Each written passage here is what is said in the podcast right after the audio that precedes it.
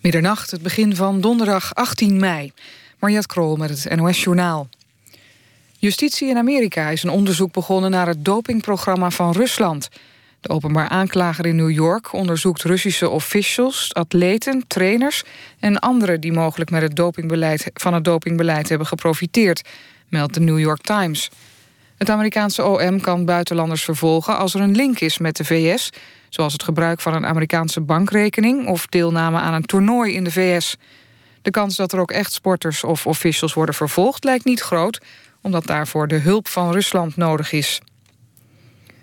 In Hoge Zand is een kleuter in het ziekenhuis opgenomen na het eten van een ecstasypil die hij had gevonden op het schoolplein.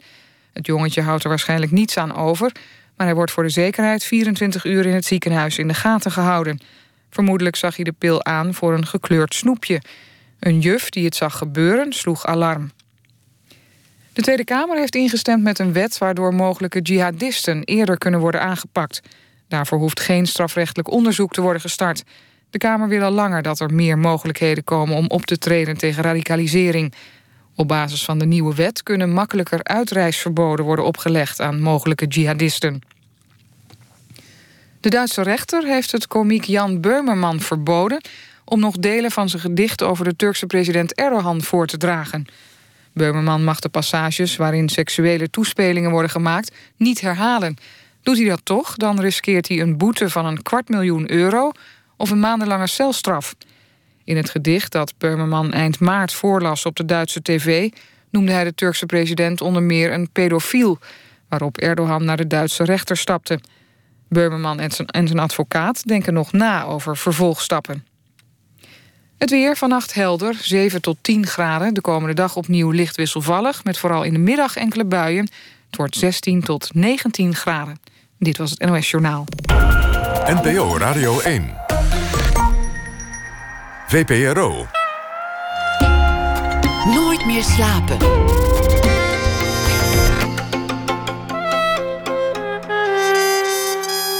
Met Pieter van der Wielen.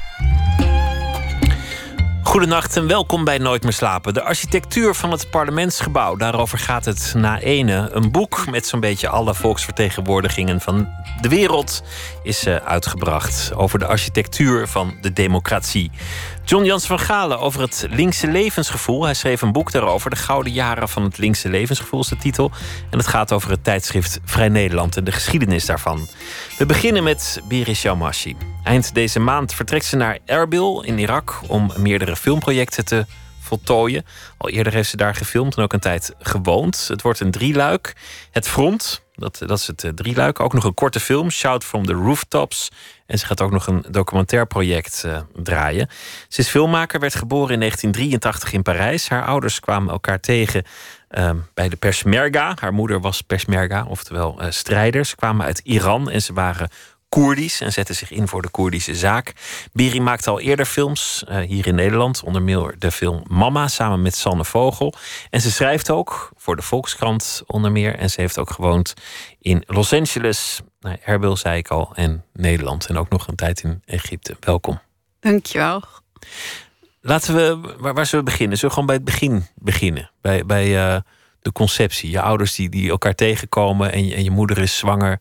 En, en daar is de geschiedenis eigenlijk al meteen jouw leven vol ingekomen. Ja, dat is een hele korte tijd in mijn verhaal, maar wel een heel groot deel van mijn verhaal. Dus laten we daar beginnen, is goed. Een zwangerschap duurt negen maanden. Uh, herinneringen aan een zwangerschap die, die bestaan niet. Mensen hebben zelf geen herinneringen uit eerste hand aan een zwangerschap. Meestal is het ook een rustige tijd, een fijne tijd voor de moeder en de vader. Voor jouw moeder was het een alles behalve fijne tijd. Want in die tijd zat ze gevangen en werd ze gemarteld. Ja, uh, mijn moeder was op dat moment in Iran of in Iraans Koerdistan. Dat is ook waar mijn ouders elkaar ontmoet hebben, waar ze allebei vandaan komen. Maar uh, ze raakte in contact met, uh, na de revolutie in Iran, met uh, de Koerdische vrijheidsstrijd, die ook daar aan de gang was. En op een gegeven moment uh, werd dat dus te gevaarlijk. Werd zij te bekend binnen de vrouwenbeweging daaronder. En dat betekent niet dat ze gevochten heeft of de wapens heeft opgepakt. Alleen al uh, het woord over democratie verspreiden, dat was al gevaarlijk. Dus ze is vastgezet, uh, afgevoerd met, met jou in de buik. In die periode ook gemarteld. Weet jij wat er precies gebeurd is? Jou dat ooit verteld? Nee, en, uh, mijn moeder is overleden toen ik nog vrij jong was. Dus toen was ik helemaal niet met dat soort dingen bezig. Ik heb wel vorig jaar een briefje van mijn vader gehad. Die heeft me een stapeltje met papieren uit Parijs gegeven. En op een van die briefjes uit het ziekenhuis staat in een paar zinnen in het Frans. Uh, vier maanden zwanger, volgens mij. Of zeven maanden zwanger was het. Vier maanden de gevangenis gemarteld. Een beetje ziek. Zoiets. Echt een paar krabbels over haar tijd in die. Over haar moeilijke tijd in de gevangenis in Iran.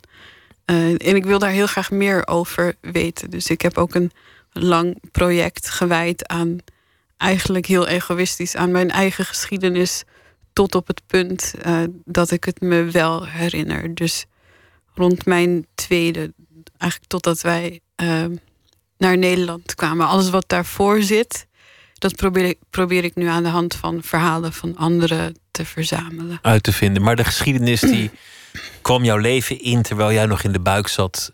En hoe, hoe heeft je moeder dat overleefd? Hoe is ze daar weggekomen? Zij is toen, uh, dus dat ben ik ook nog allemaal bij elkaar aan het verzamelen via allerlei varianten op het verhaal. Uh, een van de variaties daarop. Ik was uh, afgelopen zomer in Iraaks Koerdistan, waar nog het kamp zit van de Iraanse Koerden en de beweging waar mijn moeder toen bij zat.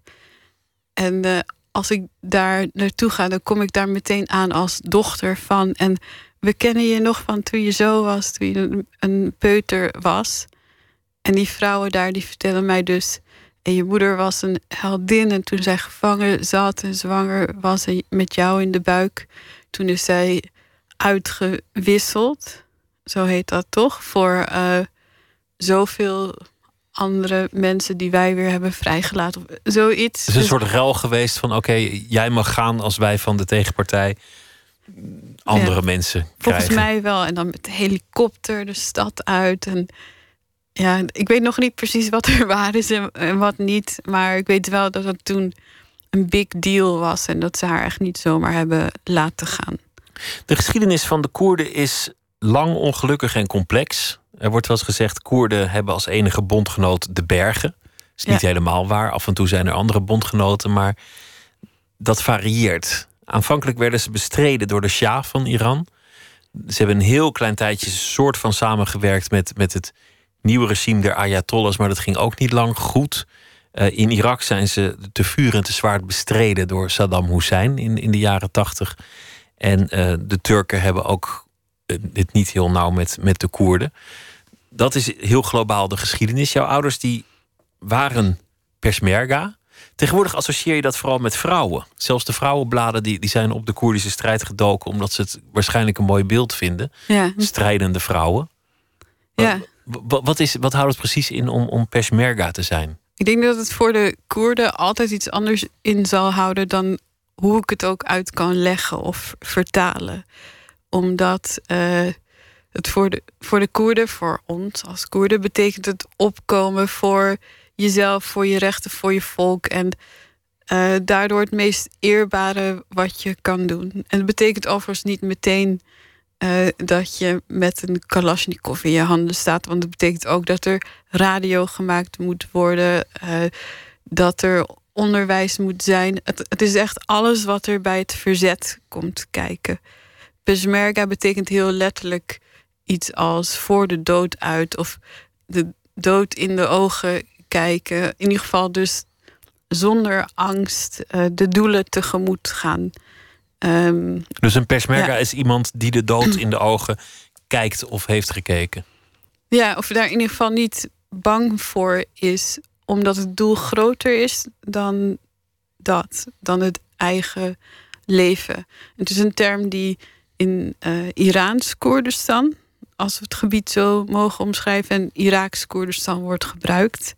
In Turkije en Syrië heet dezelfde soort vrijheidsstrijders van de Koerden de guerrilla. Dat is een taalding. Maar dat betekent dus ook dat de meisjes en jongens en mannen en vrouwen die in Syrië uh, vanuit de Koerden tegen IS strijden, bijna hetzelfde doen. En dat zijn ook de plaatjes die we in de bladen zagen. En die werden ook een beetje door elkaar gehaald. Op een gegeven moment stond er een foto van een uh, vrouw uh, die haar baby borstvoeding gaf. Volgens mij in de Marie Claire. En dat was een foto van twee jaar geleden van precies datzelfde kamp als waar ik het net over had. Waar de vrienden, vriendinnen van mijn moeder nog zitten. Dus ik herkende die vrouw en ik herkende de muur en de plastic stoel waar ze op zat. En ineens werd haar verhaal compleet uit de context gehaald. Want zij is uit Iran gevlucht en zit nu in ballingschap bij een Iraans-Koerdische partij ergens buiten Erbil in Iraks Koerdistan. Terwijl het gepubliceerd werd alsof zij ergens in gevecht was tegen IS in Syrië en in de pauze even haar borstvoeding gaf. Dus al die verhalen lopen meteen ook door elkaar sinds er eindelijk een beetje aandacht voor is. Waarbij moet worden opgemerkt dat het ook complex is, omdat Koer Koerdisch gebied kan zijn Iran, Syrië, het kan zijn Irak. Het, het, het is ook misschien ook moeilijk uit te leggen, dat weet ik niet. Ja.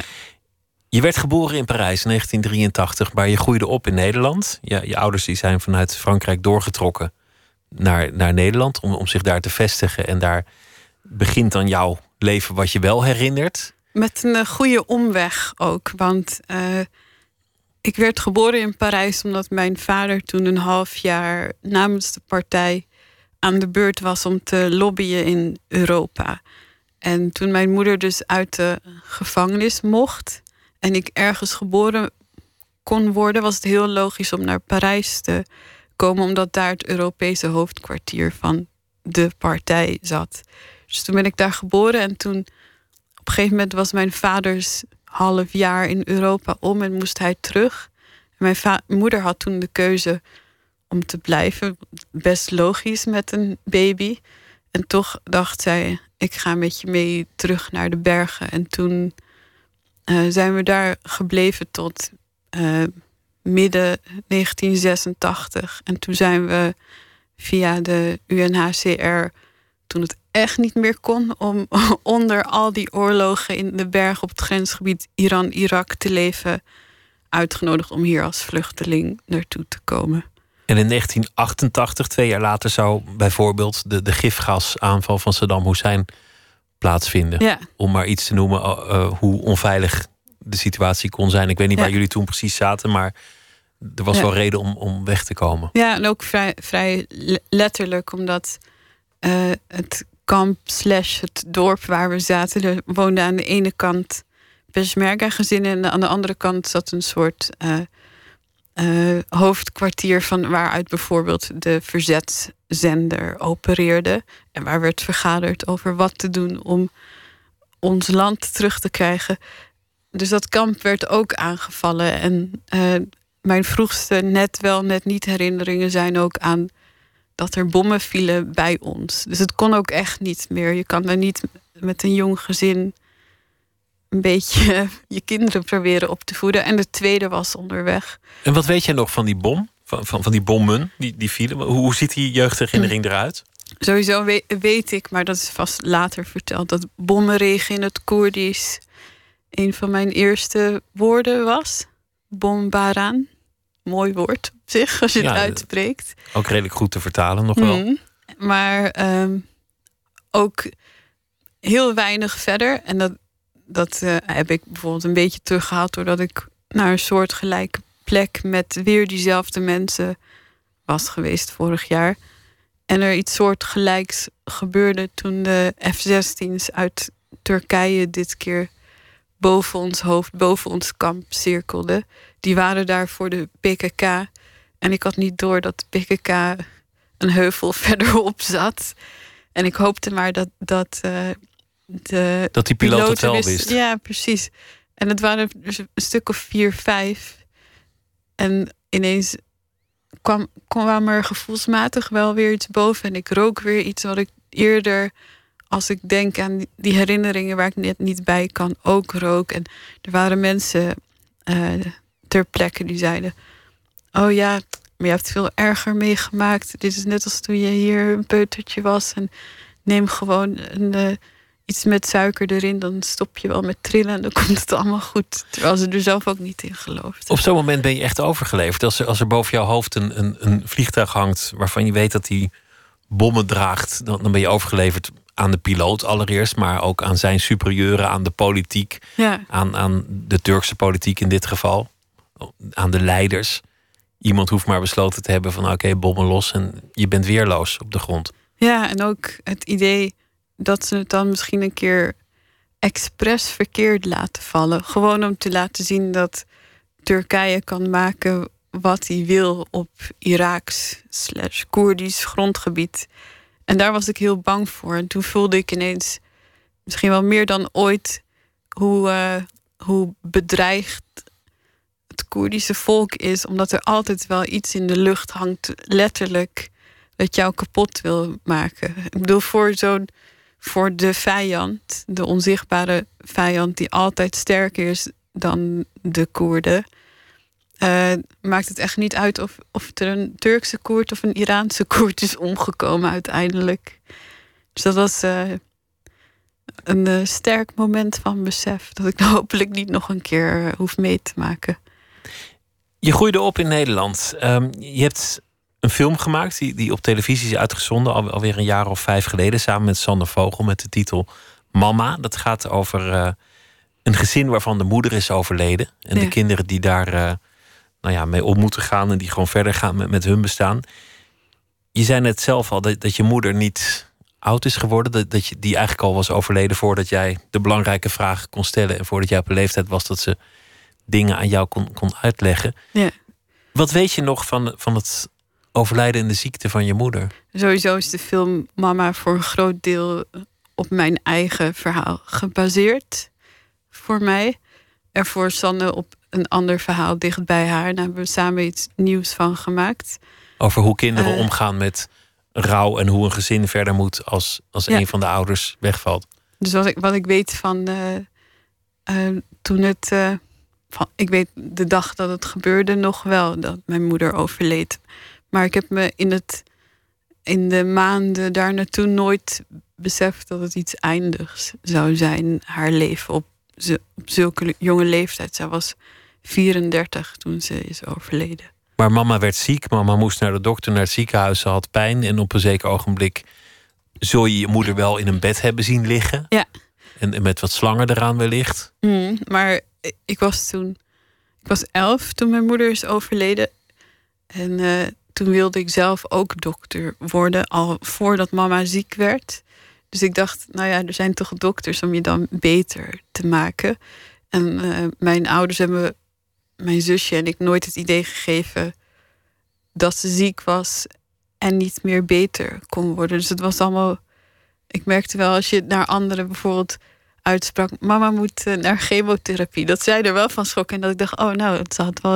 Oh, dat is zeker wel heel moeilijk. Maar mijn moeder was al zo'n kampioen in het leven. En ook al peshmerga geweest. Dus dat een beetje ziek zijn haar nooit zoveel schade zou kunnen Het was een heldin, het, het, het was een, een, een strijder, zoals het woord zegt. Ja. Je, je verwacht niet dat dat zou gebeuren. In, de- in de film, dat, dat vond ik een van de ontroerende scènes, heeft de, de, de moeder die overlijdt bandjes ingesproken voor elke verjaardag. Cassettebandje voor, eh, nou gefeliciteerd, je bent nu acht, gefeliciteerd, je bent nu negen. En daar ook een soort invulling van wat die leeftijd zal betekenen. En vertelt zoiets over haar eigen identiteit om voor te leven voor die kinderen. Mhm. Is iets dergelijks bij jou ook gebeurd? Heeft jouw moeder nog geprobeerd om iets na te laten?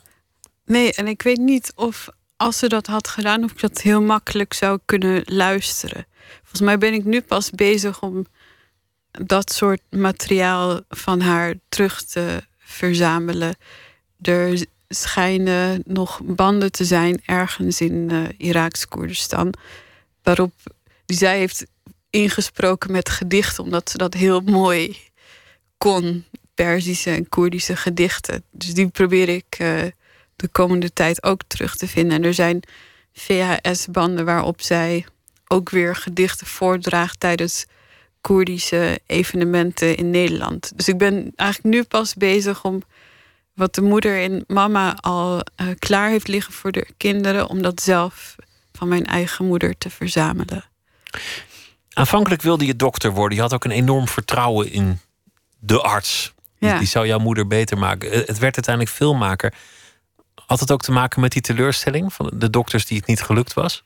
Nee, dat had ermee te maken dat ik werd uitgeloot na het VWO. Voor, me, voor medicijn of geneeskunde of hoe het ook heet. Ja, en dat, dat ik toen dacht, wat, wat moet ik dan een heel jaar met mijn leven? Ik heb hier zo hard voor gewerkt om al die rotvakken te halen. En ik was eigenlijk al gek op schrijven. En ik ben toen met een paar vrienden uit Almere films gaan maken met subsidie van de gemeente. En dat ging heel goed en dat was heel leuk. En zij wilden allemaal naar de filmacademie en toen wilde ik dat eigenlijk ook wel. En toen uh, dacht ik, nou ja, als ik dan één goede film maak over een dokter, misschien zijn er dan duizend anderen die in plaats van mij dokter willen worden, dan hoef ik dat niet meer te doen. En zo, uh, zo kwam het. Je ging ook terug naar Irak, daar gaan we het straks over hebben. Maar we gaan eerst luisteren naar uh, muziek van Nederlandse bodem van de Black Oak. Het nummer heet Fracture.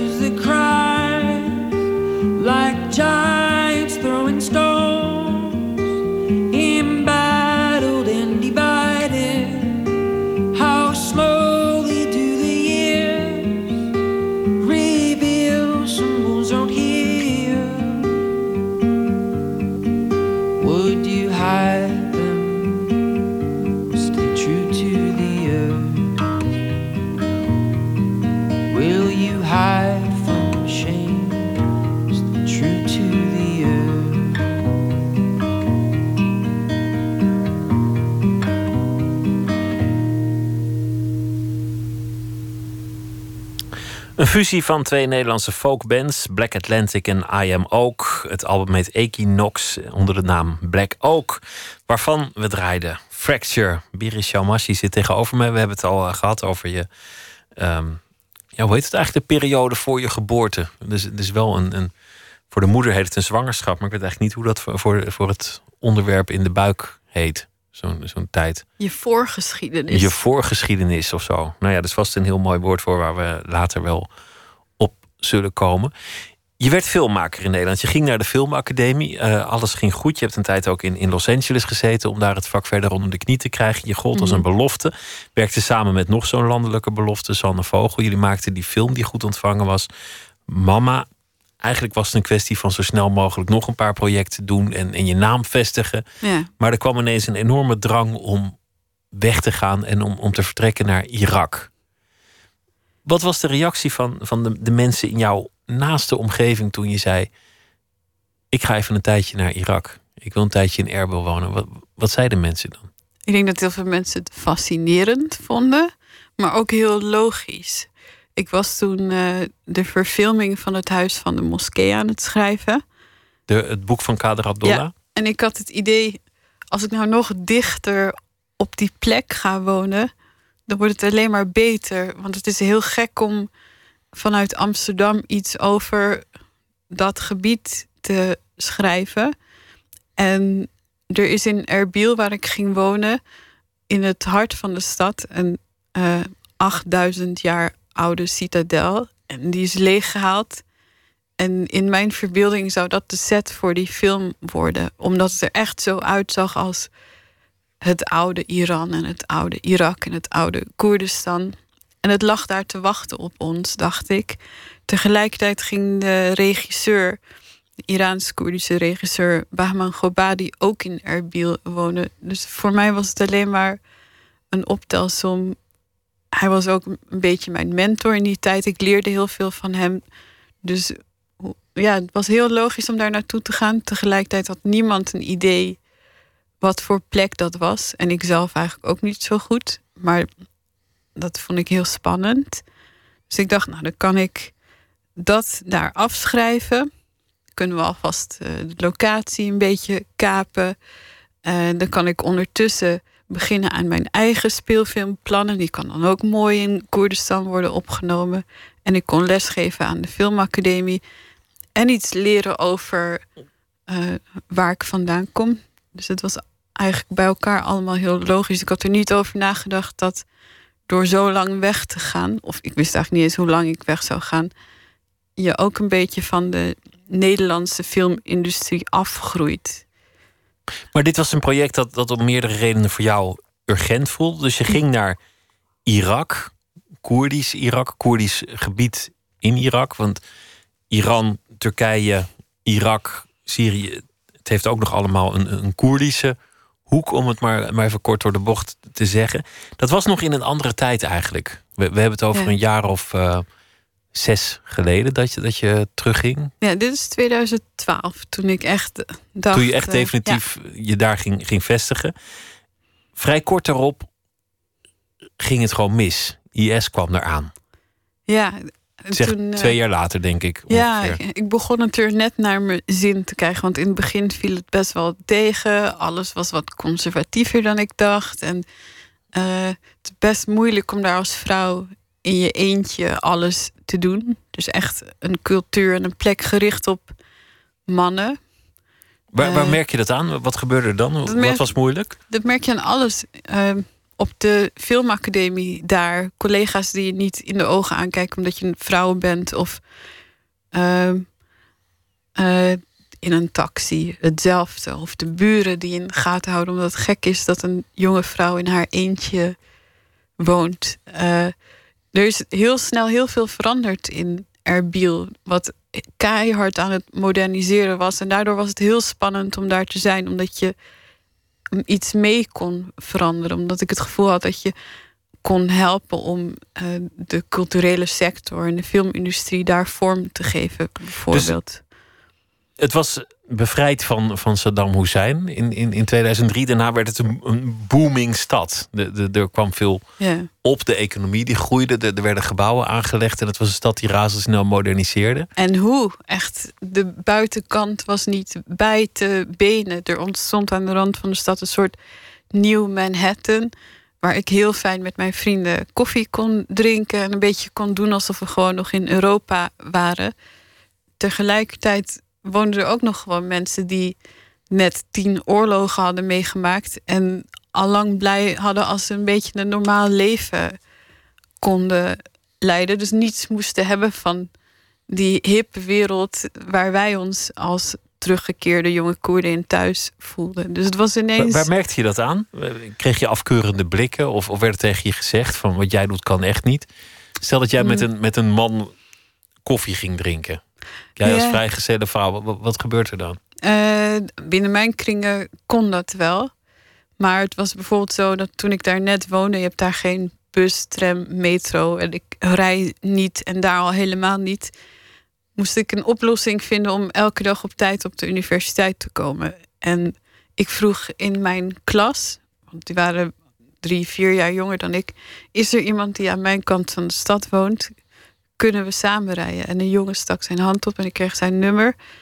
En eh, dat belde ik en dat belde ik weer en een dag later weer. En hij nam nooit op tot een meisje, een van de studenten me vertelde, maar hij kan helemaal niet eh, jou ophalen, want hij is getrouwd. Dus jij kan niet naast hem in de auto zitten. En toen dacht ik, maar dan kan je toch ook gewoon niet je hand opsteken of zeggen: Ik zou het wel willen, maar dat hoort niet. Help me een beetje. Dus het was omdat ik wel Koerdisch ben en enigszins wel met die normen en waarden ben grootgebracht in Nederland, dacht ik dat ik wist hoe ik ertussen paste. En Maar je bleek hier ja. toch heel, heel Nederlands, Europees en toch niet helemaal precies de codes te kennen. ja, en I learned the hard way met dat soort dingen. En wa- waren er andere dingen, lo- los van, van eh, jongetje, meisje, mannetje, vrouwtje?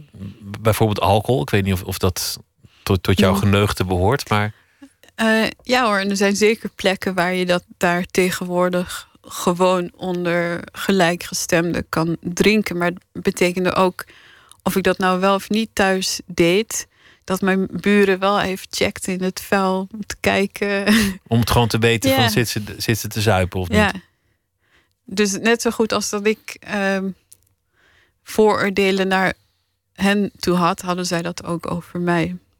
Maar het was toen nog interessant om daar te wonen. Het, het, het ging nog goed. En op een zeker ogenblik rukte, dat, dat zei ik net al, rukte ISIS op. Ja. En, en die kwamen aardig in de buurt. Op dit moment, ja, het is ook niet alsof, alsof er een kaart aan de muur hangt met, met vlaggetjes. Maar ik geloof binnen een uur vanuit Erbil ben je wel bij IS. Dat, dat is heel erg dicht genaderd al. Ja, en gelukkig eh, is het verder weg dan dat het is geweest. Het is op een gegeven moment een half uur van Erbil ongeveer. Ik ben me er niet vast vandaan geweest. Waar, waar merk je dat aan? Mm, Als, nou, iets, als, als op een half uur van jouw stad, en het is toch een tamelijk moderne stad, de barbarij gevestigd is.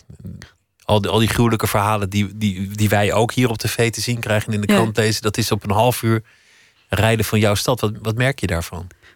Ehm, wat je daarvan merkt is, je ziet heel veel vluchtelingen in één keer jouw kant op komen. Echt met de ziel onder de arm, net uit dat gebied vandaan. Dat als eerste. En dat gebeurde er toen Mosul werd ingenomen.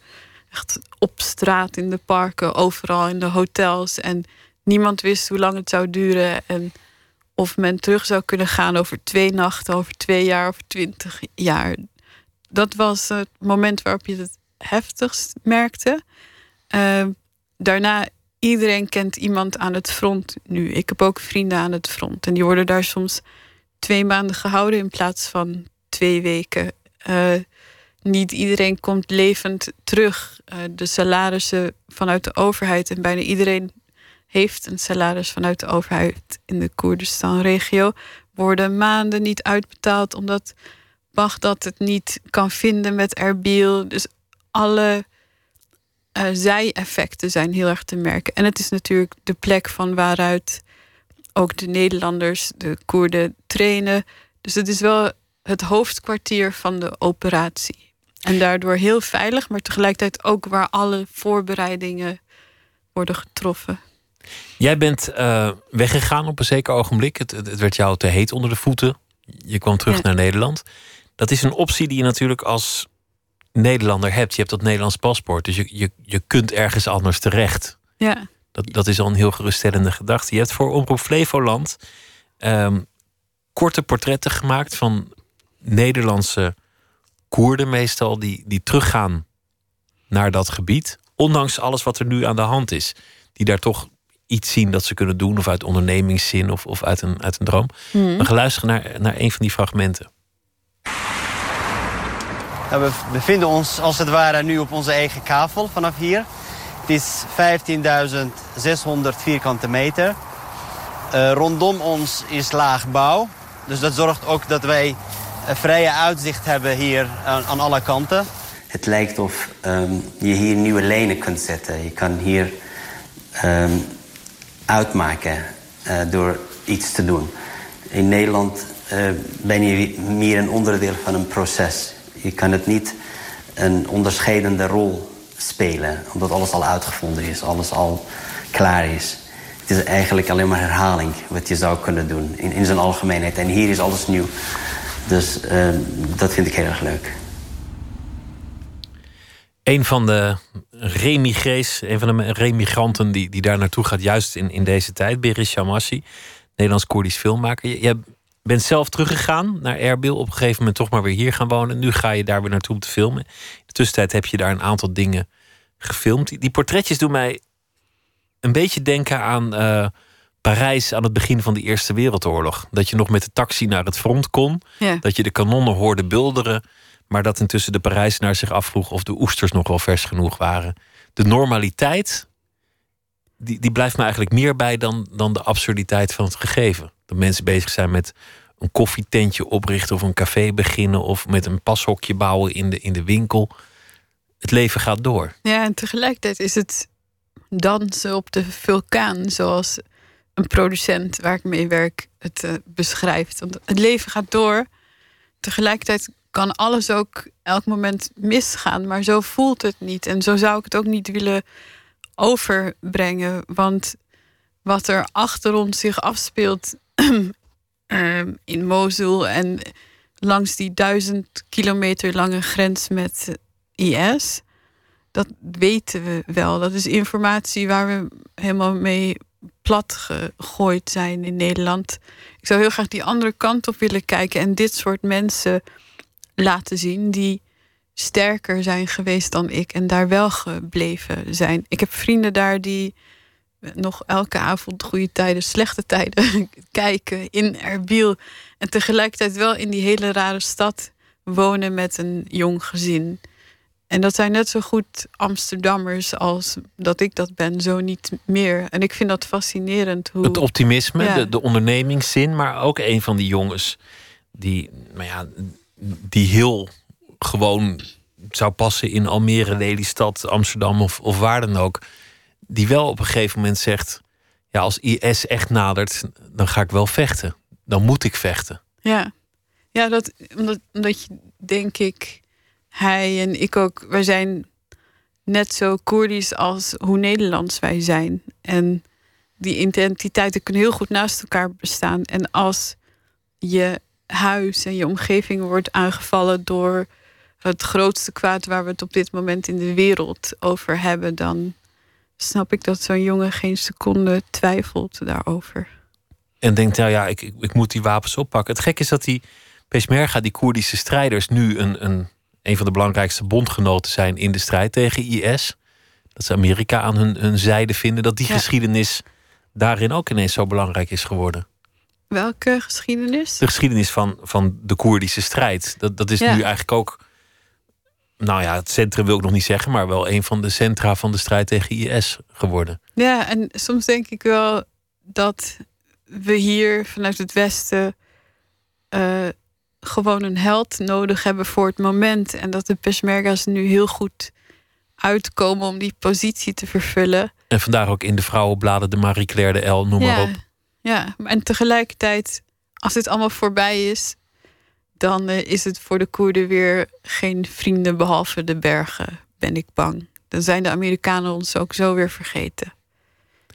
Je gaat nu wederom terug met, met een aantal eh, projecten in, in vergevorderd stadium. Je gaat daar filmen. Hoe makkelijk kun je daar nu werken? Want die- die, die stad daar is een zekere normaliteit. Mensen die, die gaan gewoon koffie drinken en die gaan gewoon kleding kopen en beginnen daar ook gewoon nog winkels en, en cafés. En jij komt daar filmen. Is dat, is dat voor jou nog makkelijk om dat te doen? Ehm, het, is al, het begint al. Het is al moeilijk op het moment dat je je crew wil overtuigen om daar naartoe te gaan. Als je Voor- met, met Nederlandse Ja. mensen werkt. ja, is het daar al veilig en kan het wel? En is wat we gaan maken dan geen propaganda? En daar heb ik met omroepen en fondsen wel eens moeite mee om ze te overtuigen. De plek gaat, is vanzelf politiek, maar de verhalen niet per se. Ehm, dus daar is het dan moeilijk. En dan is het daar ook nog eens moeilijk omdat er geen industrie is. Er is niet een plek waar je even makkelijk de camera's die wij willen gebruiken kan huren. Spullen van het huur hier zijn moeilijk te verzekeren. Ehm, dus er zijn allemaal onnodige obstakels die helemaal niet over het verhaal gaan, waar je eerst nog doorheen moet. Dus het is Ja. al met al veel meer gedoe geworden om, om daar naartoe te gaan. Tegelijk is het natuurlijk een bijzondere geschiedenis om, om vast te leggen. En dan niet zozeer het, het front zelf, want dat- dat, dat wordt door journalisten al gedaan, maar dat dansen op de rand van de vulkaan, zoals je het net noemde. Dat, dat Ja. uurtje van het front af. Ja, en ik vind het ook heel belangrijk om dat te doen, omdat zelfs de cameraman van een van de projecten die vroeg: kan je voorbeelden sturen? Zijn er foto's, reportages, iets waardoor ik begrijp wat we gaan zien? En ik heb heel erg mijn best gedaan om dat te vinden, maar wat wij willen laten zien is nou precies wat je normaal niet ziet. Dus dat kan niet. Dat is er niet, want niemand heeft zich daarvoor geïnteresseerd.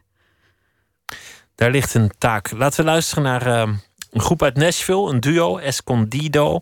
Het album heet Walking with the Stranger. We gaan luisteren naar Try.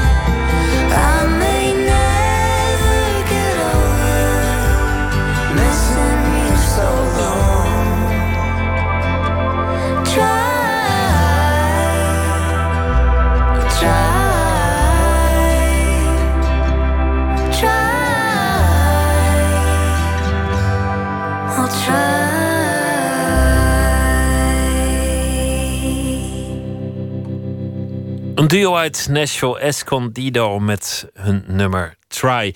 Biri Shamashi zit tegenover mij. We hebben het al gehad over eh, je geboorte, je geschiedenis, de geschiedenis van jouw ouders. Over de geschiedenis van Erbil, de stad waar je een tijd hebt gewoond en waar je nu weer naartoe gaat om te filmen. Over hoe je filmer bent geworden en hoe je nog bezig bent met het uitvinden.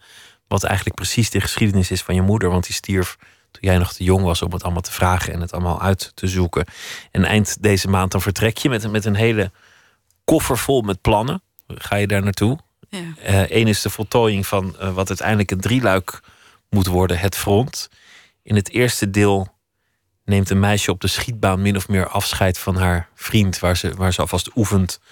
Want die strijd, die, die moet ze toch gaan voeren. Ze, ze, wil, ze wil weg om, om zich te mengen in, in die eh, gebeurtenissen. Ja, en dat is eh, door Floris Parlevliet geregisseerd. Een van de jongens waar ik zoveel jaar geleden in Almere mee ben begonnen met film maken. En hij en andere collega's zijn meerdere keren in Erbil langsgekomen. En zo is het idee voor nummer één uit het drieluik ontstaan. Voelde dat voor jou ook zo? Ondanks dat je niet, niet op een schietbaan stond met, met een geweer, maar voelde het toch zo van: ik ben hier gevestigd, ik heb hier alles. Het is een deel van mijn geschiedenis, maar ik, ik moet daar nu naartoe. Ik heb nu die drang om daarheen te gaan. Ja, en ik had juist eh, het tegenovergestelde gedaan. Ik kwam daar net vandaan. En ik was in Nederland en het enige wat ik had meegenomen in mijn koffer was eh, zomerkleren. Want ik dacht, oh, dan zit ik het hier wel even een maandje of twee uit. En het ging daar alleen maar slechter. Dus er waren juist eh Koerdische Nederlanders met plannen om die kant op te gaan. En ik was notabene filmmaker, dus ik kon laten zien wat er speelt aan de wereld, maar niemand wilde het zien. Niemand wilde het horen. Eh, ik heb toen het front, film nummer één van het drieluik geschreven. Echt huilend, omdat ik geen idee had hoe het zou gaan met eh, het gebied of met mijzelf. Ik was toen nog niet echt weg uit Erbil. En ook nog niet echt terug hier. En ik had geen idee waar ik eigenlijk woonde. En als iemand me vroeg hoe lang blijf je, dan wist ik het niet. En ik wilde iets doen en iets maken over wat daar speelde. En toen heb ik dus eh, nummer één geschreven. Ik heb al een van de scripts gelezen die je daar gaat filmen. Daar, daar zit ook de, de vraag onderliggend in van ja, wat te doen, blijven, vluchten, weggaan, hier blijven. Je blijft natuurlijk ook op de plek van je herinneringen, van, van je geschiedenis, je, je liefdes, je, je, je vrienden, al dat soort dingen. Ja, Het is een worsteling die heel veel mensen in de wereld nu hebben. Van, van oké, moet ik een peren of moet ik gewoon blijven? Je laat alles in de steek. Hier ben je misschien iemand, daar ben je niemand. ja. Ben je een van de velen. Bij jou gold het eigenlijk andersom. Je was hier een succesvol filmmaker. Je had hier veiligheid, vrede en gemak. ja. En toch koos je ervoor, ook al was de situatie waarin je daarheen ging nog alleszins vrede, vredig en stabiel. Je, je koos toch voor het onzekere. Ja, maar ik vond het ook heel leuk om te pionieren. Juist omdat het toen in 2012 een tijd was waarin er heel veel ruimte was in Koerdistan, in Erbil. En het was fantastisch om daaraan bij te kunnen dragen. Om mijn buurjongen zijn eerste filmrolletje in een commercial te kunnen geven. Na wekenlang zeuren dat het echt wel oké was om iets voor de camera te doen. En ehm, zoveel avontuur was er. En er was zoveel mogelijk. Dat was een hele logische keuze. En het was ook heel spannend om heel gauw een beetje de plek die ik aan het krijgen was in Nederland. Om die daar te krijgen, om daar zichtbaar te zijn en serieus te worden genomen. En ook daar films te maken en te schrijven, et cetera. Je wil maar zeggen dat je er ook gewoon veel plezier had. En, en, en dat het ook gewoon interessant was, professioneel wat je daar deed. Ja, en ook heel spannend om heel gauw, omdat het daar nog zo klein is, een heel sterk netwerk op te bouwen in alle lagen van de samenleving. Wat eigenlijk uit al die korte portretjes die je maakte voor Flevoland van mensen die daarheen gaan, ook nu nog blijkt. Aan de ene kant zijn ze ontzettend Nederlands. En aan de andere kant hebben ze ook daar wel iets. Maar als ze daar dan komen, blijken ze toch wel veel te Nederlands om, om helemaal te integreren, maar het, het trekt op de een of andere manier. Het zit toch, toch in ze om daarheen te gaan. Ja, en eh, een paar van de mensen uit die portretten... die komen uit Almere, waar ik ook ben opgegroeid. En daar zijn we vroeger ook wel een hechte gemeenschap geweest. Aan de ene kant heel sterk en super geïntegreerd in de Nederlandse samenleving... maar dan wel elk jaar samen Koerdisch nieuwjaar vieren op de eerste dag van de lente. En als kind naar de Koerdische school op zater- zaterdag, waar we een beetje leerden schrijven en lezen. Ehm, mijn moeder gaf die les bijvoorbeeld, maar ook de moeder van een van de jongens uit een van de portretten. Ik heb hem, en dit was Alan, toen denk twintig jaar niet meer gezien. Maar ik wist van de andere Koerden uit Almere dat hij al in Erbil woonde. Dus hij was een van de eerste die ik eh, sprak en ontmoette toen ik daar was. Van, hoe doe je dat hier eigenlijk? Omdat hij er al net iets langer was. Vaak was het ook uiteindelijk ondernemingszin dat de doorslag gaf bij de meesten om er naartoe te gaan. Gewoon dat ze kansen roken en dachten: hier kan ik Ja. iets, hier is, hier is het in, in beweging. Wat is eigenlijk jouw droom als je in die zin bekijkt? Want, want je begon een filmcarrière in Nederland, daar heb je voor gestudeerd. Ja. Nu ben je daar aan het draaien, of dat, dat ga je nu doen. Wil, wil jij de, de Koerdische cinema helpen uitvinden of vormgeven? En dat, dat doel had ik wel. En eh, ik heb in die jaren in Erbil wel geleerd dat het heel moeilijk is. En dat het eigenlijk ook heel dom is als je eh, het geluk hebt om in een andere cinema die wel functioneert te mogen werken, om dan zo hard weg te gaan. Dus mijn, eigenlijk wil ik gewoon mooie films maken. En is nu het Koerdische verhaal zo een noodzaak voor mij om te laten zien aan het publiek hier ook vooral. Dat dat de prioriteit heeft. Maar ik maak net zo lief films over andere dingen die me aan het hart gaan. Maar als ik dit nu niet doe, dan doet niemand het op de manier zoals ik het daar heb gezien. Dan krijgen wij dat hier gewoon niet te zien. En dat zou ik heel jammer vinden. De geschiedenis gaat verder, welke kant het ook opgaat. En, en dan is dat voorbij en dan heeft niemand dat vastgelegd en dan is die film nooit gemaakt. Ja, en er, ik was eh, twee jaar geleden van plan om een speelfilm te maken daar. En dat was al aardig ver gevorderd. En iedere keer als we het hier hebben over wat daar speelt, of ik ben op een filmfestival en ik zie wat voor andere films uit de regio het goed doen, dan denk ik iedere keer: ja, maar als we dat nou hadden kunnen zien, wat ik toen had willen maken, dat had zo uitgemaakt voor de beeldvorming hier.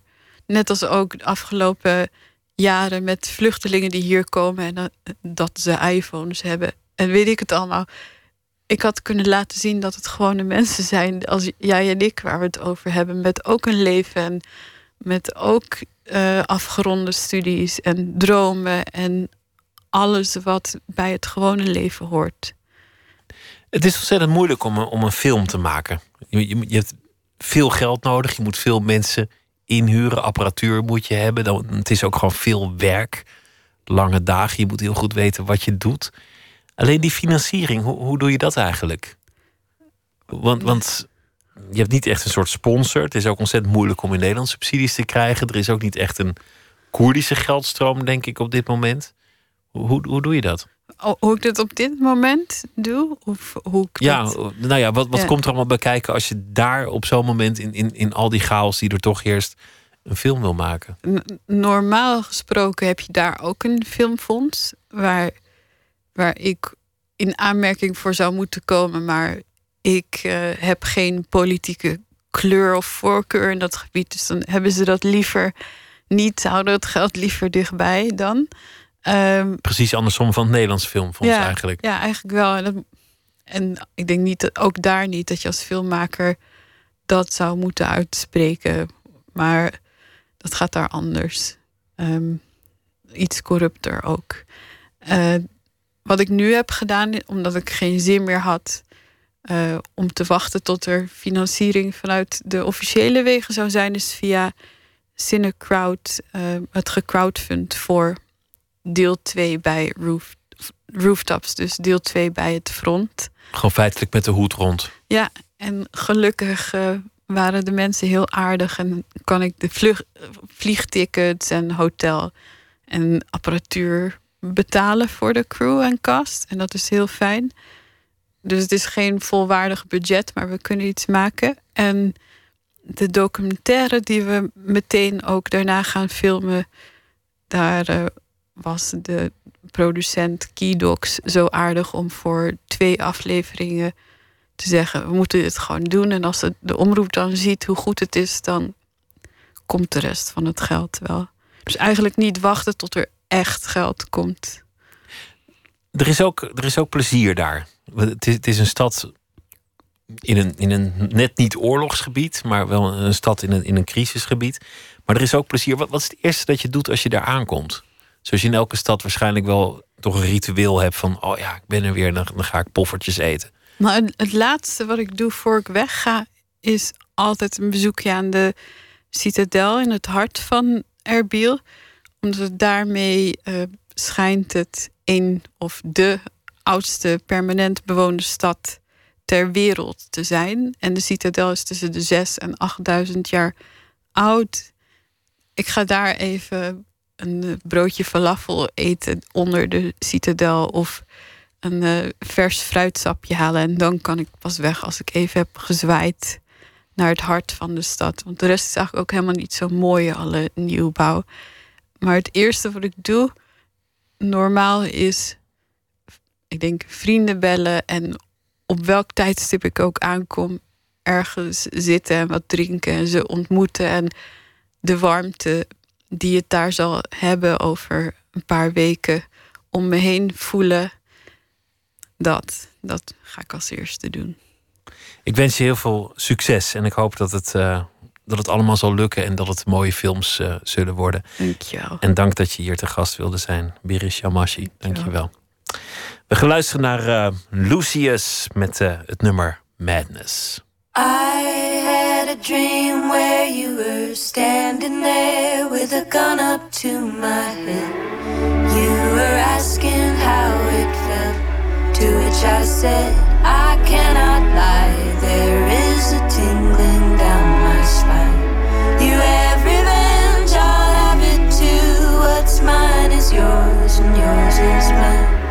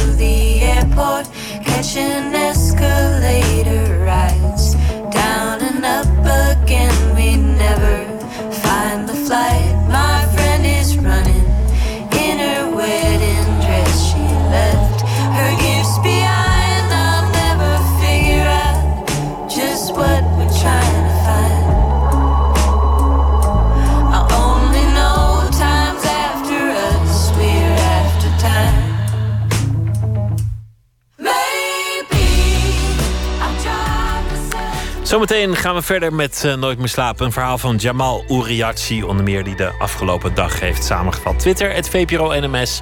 We zitten op Facebook en u kunt zich abonneren op de podcast via iTunes of de website van de VPRO.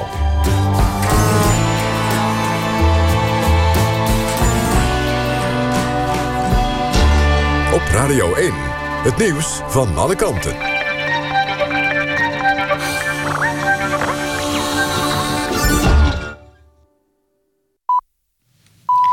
1 uur, Mariette Krol met het NOS Journaal. Bijna alle mensen die bij de gemeente aankloppen voor ondersteuning thuis... zijn niet in staat om hun problemen zelf op te lossen. Vier op de tien mensen kunnen ook niet terugvallen op familie, vrienden of kennissen. Dat blijkt uit onderzoek van het Sociaal en Cultureel Planbureau... naar de zorg die de gemeenten sinds vorig jaar uitvoeren.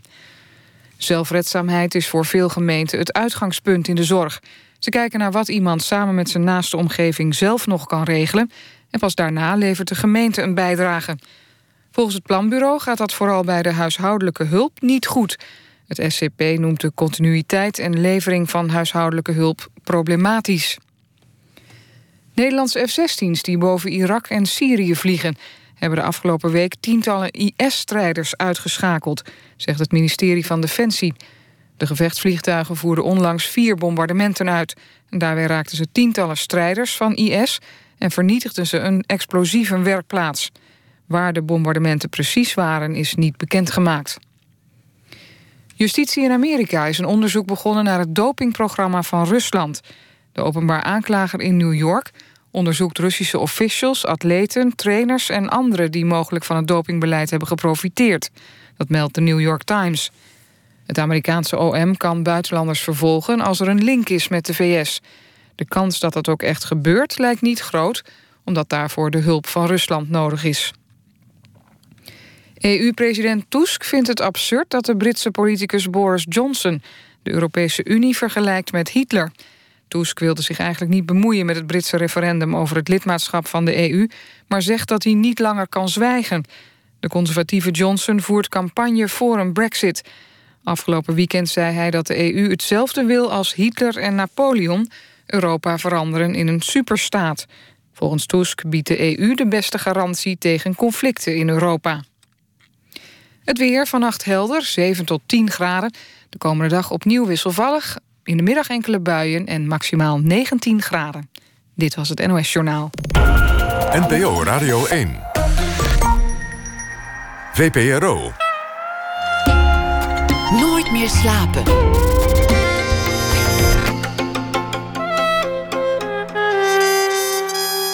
Met Pieter van der Wielen.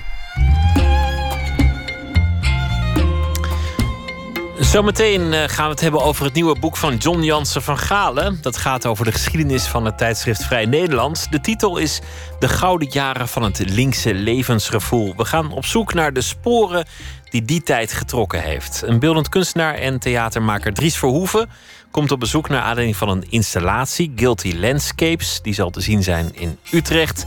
Maar we beginnen met Jamal Uriachi. Hij is uh, schrijver, romancier. En hij zal deze week elke nacht een verhaal maken over de voorbije dag. Jamal, goeienacht. Vertel eens, wat, uh, wat bood vandaag inspiratie? Um, een klein uh, reisje in de tijd was eigenlijk wat mij ja, de, de, kant die ik op ben gegaan. Ik, ik, zal, even, ik zal het even voorlezen. Ga je geworden. Voor het eerst, na lange tijd, komen berichten van belang over den strijd tussen Italianen en Oostenrijkers in het Alpenland, waar de oorlog nu ongeveer een jaar voortduurt, zonder den aanvallers enig direct voordeel te hebben opgeleverd. Dit lees ik in de krant Het Volk van 17 mei 1916. De woorden komen onthutsend eerlijk op me over. Nederland nam geen deel aan wat toen nog gewoon de oorlog heette, zonder Eerste en zonder Wereld ervoor. En het zou nog 24 jaar duren voor de Tweede Wereldoorlog een aanvang nam. Oorlog hoefde nog niet aangekleed te worden met ideologische taal, met goed en kwaad. Oorlog was een strijd die partijen, al of niet, directe dan wel indirecte, voordelen opleverde. Honderd jaar later lig ik op de bank te peinzen over deze woorden. Is het goed dat ze niet zo hypocriet zijn? En toch, ook de nuchtere zakelijkheid van deze taal is verhullend. Voordelen. Het is de taal van de strategen die over een stafkaart gebogen staan en grensverschuivingen toejuichen of betreuren. Een taal die de uiteengereten lijken verhult. Afgelopen weekend las ik een reportage over Bagdad anno 2016. De hoofdstad van het land dat een dik decennium geleden werd binnengevallen omdat Saddam evil zou zijn. Geen woord sprak George W. Bush over voordelen voor de Verenigde Staten, direct of indirect. Nu, in Bagdad, vertelt een handelaar in verhullende vrouwenkleding dat de zaken goed gaan. Er is een prachtige nieuwe afzetmarkt in Mosul, waar IS heerst en waar de vraag naar alles behalve de ogen bedekkende niqabs zodoende groot en prangend is. Over oorlogen en belangen. Deze zomer Ja. zal, het, zal het 100 jaar geleden zijn, onder meer de slag om de Somme in, in die Eerste Wereldoorlog. Daar, daar zullen we veel over horen. Het was natuurlijk Ja. ook van een gruwelijkheid heel vlak bij huis, maar gewoon 60.000 doden op één dag. Daar draaiden ze toen hun hand niet voor om in, die oorlog. Zonder meer, ja, ja, ja. Ja, het is bizar. Het is heel gek om... eh, ik ben dus eens in wat oude kranten gedoken... en te zien hoe Nederland daar verslag van doet. Ze doen er wel uitgebreid verslag van in kranten. Het komt absoluut aan de orde. Maar het is inderdaad op een, ja, op een heel nuchter, afstandelijk toontje. Dat Terwijl, de, terwijl het bloed vloeide op, eh, op een paar uur rijden. Met een Ja. hedendaagse auto althans. Maar het is ook, ook in die tijd dat, dat de West-Europeanen gewoon lijnen trokken door dat Midden-Oosten. Die Ja. nu nog steeds voor problemen zorgen. Want alle problemen rond Irak en Iran zijn mede ontstaan. Omdat ze toen met een, met een liniaal gewoon over de kaart gingen en zeiden: Hop, hier maken we land van en daar maken we een ander land van. Ja, het is eigenlijk heel gek dat, die, eh, dat we doen alsof die oorlog in eh, 1918 afgelopen is natuurlijk. Want hij, het is in zekere zin nog steeds dezelfde oorlog die, die maar voortwoekert en woekert. En, eh, met met ja, nog steeds de gruwelijkste toestanden in Irak. Vooral dat, je daar, dat ze er eigenlijk gewoon een beetje aan gewend zijn. Dat er elke dag wel doden vallen. Elke dag aanslagen zijn. Het is ook een manier van leven natuurlijk op duur. Maar het blijft heel macaber om het... eh, af en toe te beseffen. Ja, en ook droef dat de mensheid 100 jaar verder eigenlijk nog geen hol verder is. Nee, ja, ze, ze doen, eh, af en toe eh, ontwikkelen we een nieuwe manier om te moorden. Maar dat is, dat is dan de vooruitgang. Maar verder, moorden zelf blijft min of meer hetzelfde natuurlijk, ja.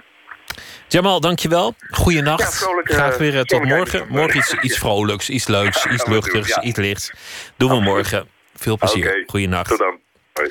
We gaan luisteren naar eh, Corinne Bailey Ray, een eh, Britse zangeres. Die heeft een nieuw album. En vorige week was er een verslag. Dat was het eh, vorige album was een verslag van een periode van rouw. Vorige week stond er nog een uitgebreid interview met haar in alle kranten en tijdschriften. Want haar man was overleden. Inmiddels is ze hertrouwd en dit is dan een wat vrolijker plaat geworden. En ze viert het leven. Dit nummer heet Hey, I Won't Break Your Heart.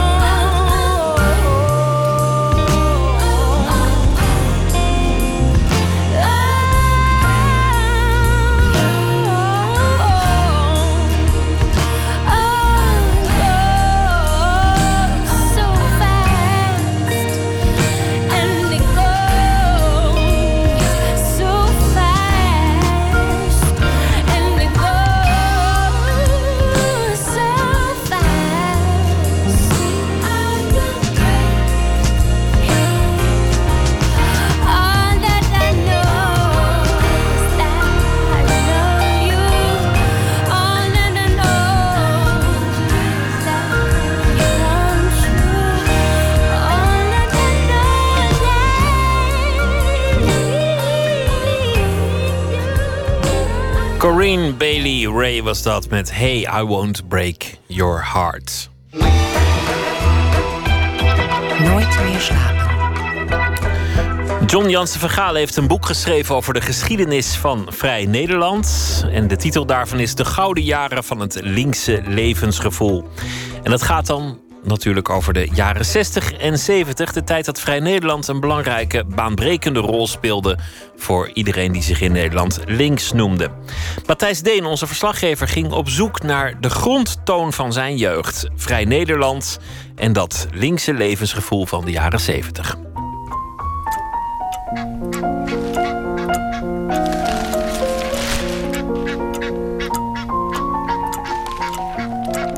Het loopt tegen de jaren 70. Begin van het weekend. Een dorp in het oosten van het land. De tuindeur staat open. Het huis geurt naar koffie. De klok tikt. Mijn vader leest Vrij Nederland. Hij koopt het blad iedere week. Dat komt door de oorlog. Hij praat nooit over de oorlog, maar hij is van 1927. Dus dat was zijn puberteit, de grondtoon van zijn leven. Associatie die nooit weggaat. Vrij Nederland, de illegale krant. Beter kon je niet zijn. Daarbij willen horen, gaat nooit over. Mijn moeder heeft ze nog wel rondgebracht als er eens eentje in het huis van haar vader verzeild raakte. Die weer naar een volgend adres moest. Ook zij praat daar niet over. De oorlog is geen onderwerp van gesprek. Het ruist zachtjes op de achtergrond. Als een windvlaag door de bomen buiten. Of als geritsel van een krant.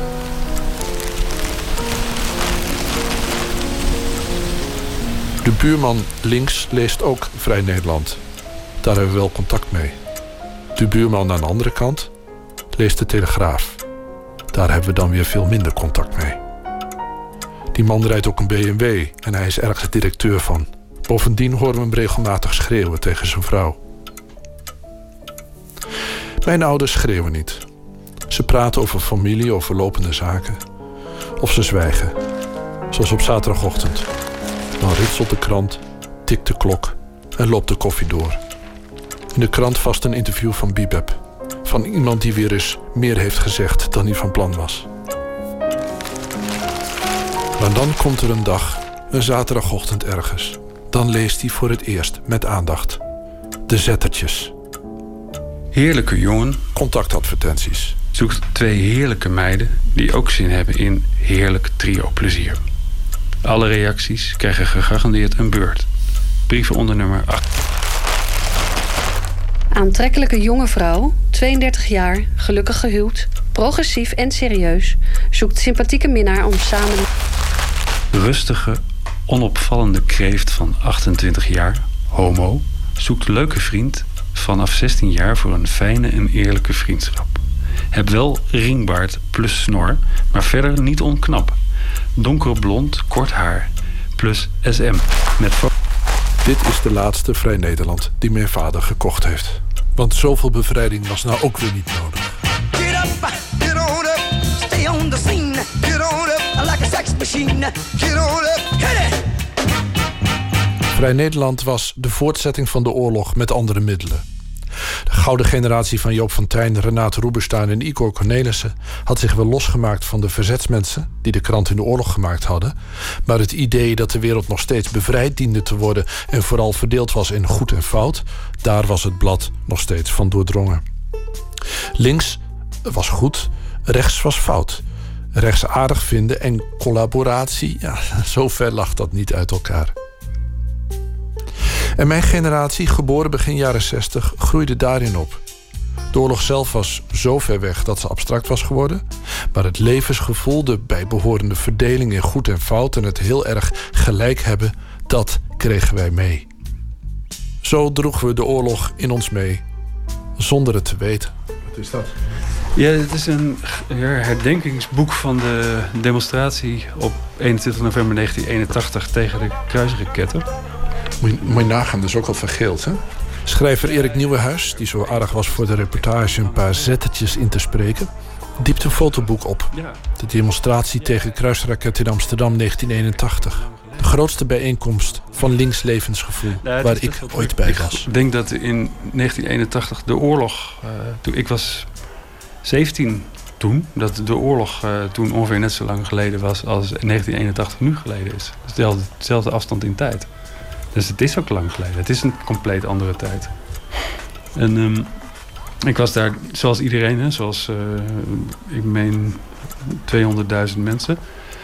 En hier uh, vind ik hem toevallig. Uh, hier zie je een, de man die een kruisraket op een dienblad heeft gezet. Oh, ja. Met daarbij wie had de neutronenbom besteld. Ja, die kan ik me herinneren. Ja. ja. En als je links van die man kijkt, zie je een groepje jongens met lange haar. En een van die langbehaarde jongens ben ik, deze hier. En het was enorm eind lopen en schreeuwen met z'n allen. Je had van die golven van, van geluid die van achter kwamen. En daar deed je dan een beetje ja, toch ook wel een beetje besmuikt aan mee. Dat vond je toch... Je had geleerd dat je nooit met massa's mee mocht brullen. En nu was het ineens wel goed om met een massa mee te brullen.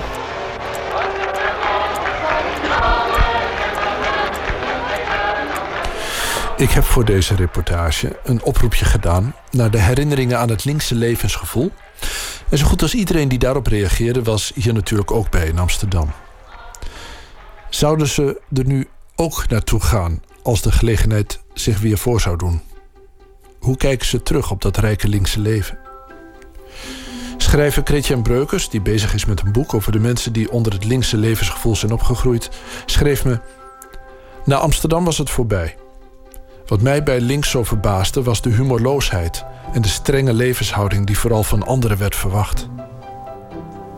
En Rob van Essen, schrijver natuurlijk van het boek Kind van de Verzorgingsstaat, schreef me: Het is een voorbij land met een afgesloten grens.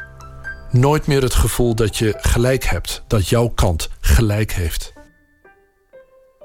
Maar dat is niet het enige geluid. Timmermans dochter Irene Maas van Tessel schrijft juist over de onbeperkte vrijheid van die tijd. De mogelijkheid om met een beurs te gaan studeren en samenwonen zonder te trouwen.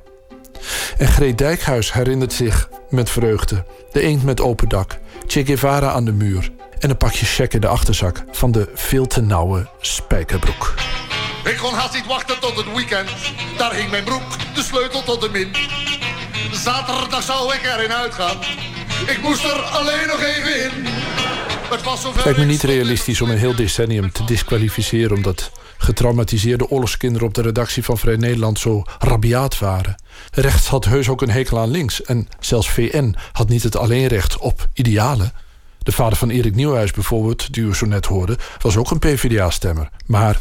En bij jullie thuis, kwam iedereen, de, de Vrij Nederland? Nee, nee, nee. Dat was echt toch een beetje aan de intellectuele kant te intellectueel. Uh, ja. En laten we de rijkwijde van het linkse levensgevoel niet overdrijven. Het is, lijkt me veelzeggend, dat de smaak van Nederland van zeg 1970 niet echt wijst op een diep doorgezette, scherp geslepen discussie over de grondbeginselen van de sociaaldemocratie. De top 100 van 1970 werd aangevoerd niet door Bots, wie kent ze nog, maar door. Huilen is voor jou te laat, ik kom niet meer. Ik weet uit betrouwbare bron dat sinds Fortuin veel Nederlandse journalisten op hun hoede zijn. Zichzelf censureren omdat ze niet verdacht willen worden van linkse voorkeuren. Maar het lijkt me een overschatting van de rijkwijde van de jaren 70. Jeroen Wielaert, verslaggever bij Radio 1. Schreef me naar aanleiding van mijn oproep over het linkse levensgevoel. Dit waren voor mij de jaren 70. Het gat van Nederland. Kees van Koten en Wim de Bie. Nederlands Hoop. Herman van Veen. De Paul Meijer Show op woensdagavond. Jan Donkers op de late vrijdagavondradio. Fred Haché, chef van Oekel. Led Zeppelin. Black Sabbath. Uriah Heep. Leonard Cohen. Bob Dylan. J.J. Cale. Eric Clapton. Randy Newman. The Dizzy Band. Earth and Fire. Elquin. Fungus. Robert Long. Jonathan Richman and the Modern Lovers. Ted Nugent. Leonard Skinnert. Herman Brood and His Wild Romance. Pinkpop. Rockpalast. Frits Spits. Einde van de Vietnamoorlog. Bader aan Mijnhoofd. Joop den Uyl. Hans Wiegel. Dries van Acht. Richard Nixon. Watergate. Jimmy Carter. Ton Planken. Hunter S. Thompson. Hot Pants. Interrail. Liften. Zeilen. Gerard Reven. Remco Kampert.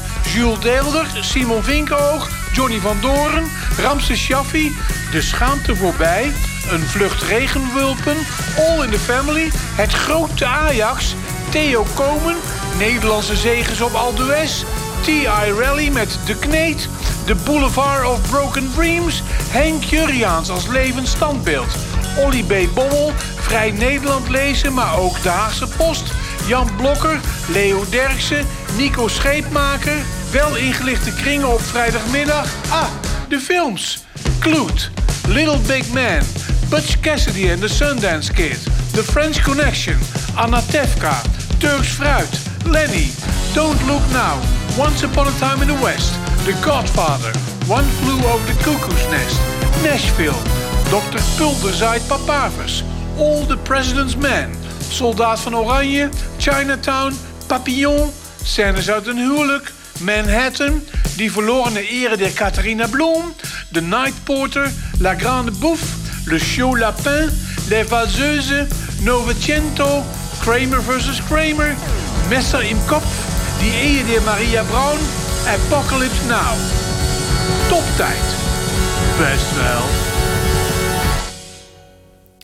En de lijst had toch eh, vast langer kunnen zijn. De gouden jaren van het linkse levensgevoel van John Jansen Vergalen. Het eh, boek uitgekomen bij uitgeverij Balans. En dit was een bijdrage van Matthijs Deen. Van de jaren 70 naar de jaren 50. Een RB-zanger in die tijd was Little Willie John. Hij had een hit in 1956 door een prachtig nummer dat werd geschreven door zijn broer, Murtis John. En de titel is Need Your Love So Bad.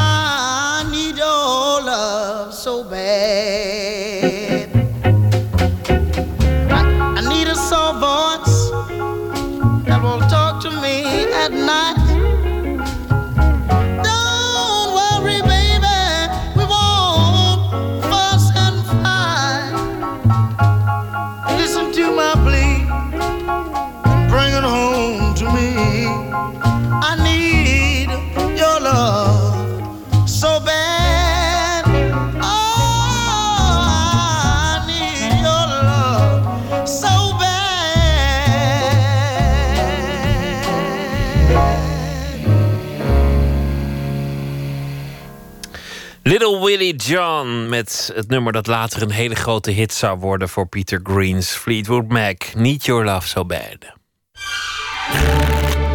Open kaart.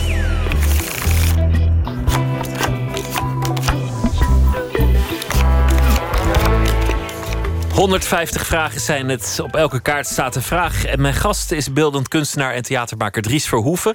Hij maakt installaties en eh, voorstellingen in de openbare ruimte... waarbij hij de bezoekers en de voorbijgangers deel wil laten uitmaken van zijn kunst. Hij wil ze anders laten kijken naar de eigen leefwereld.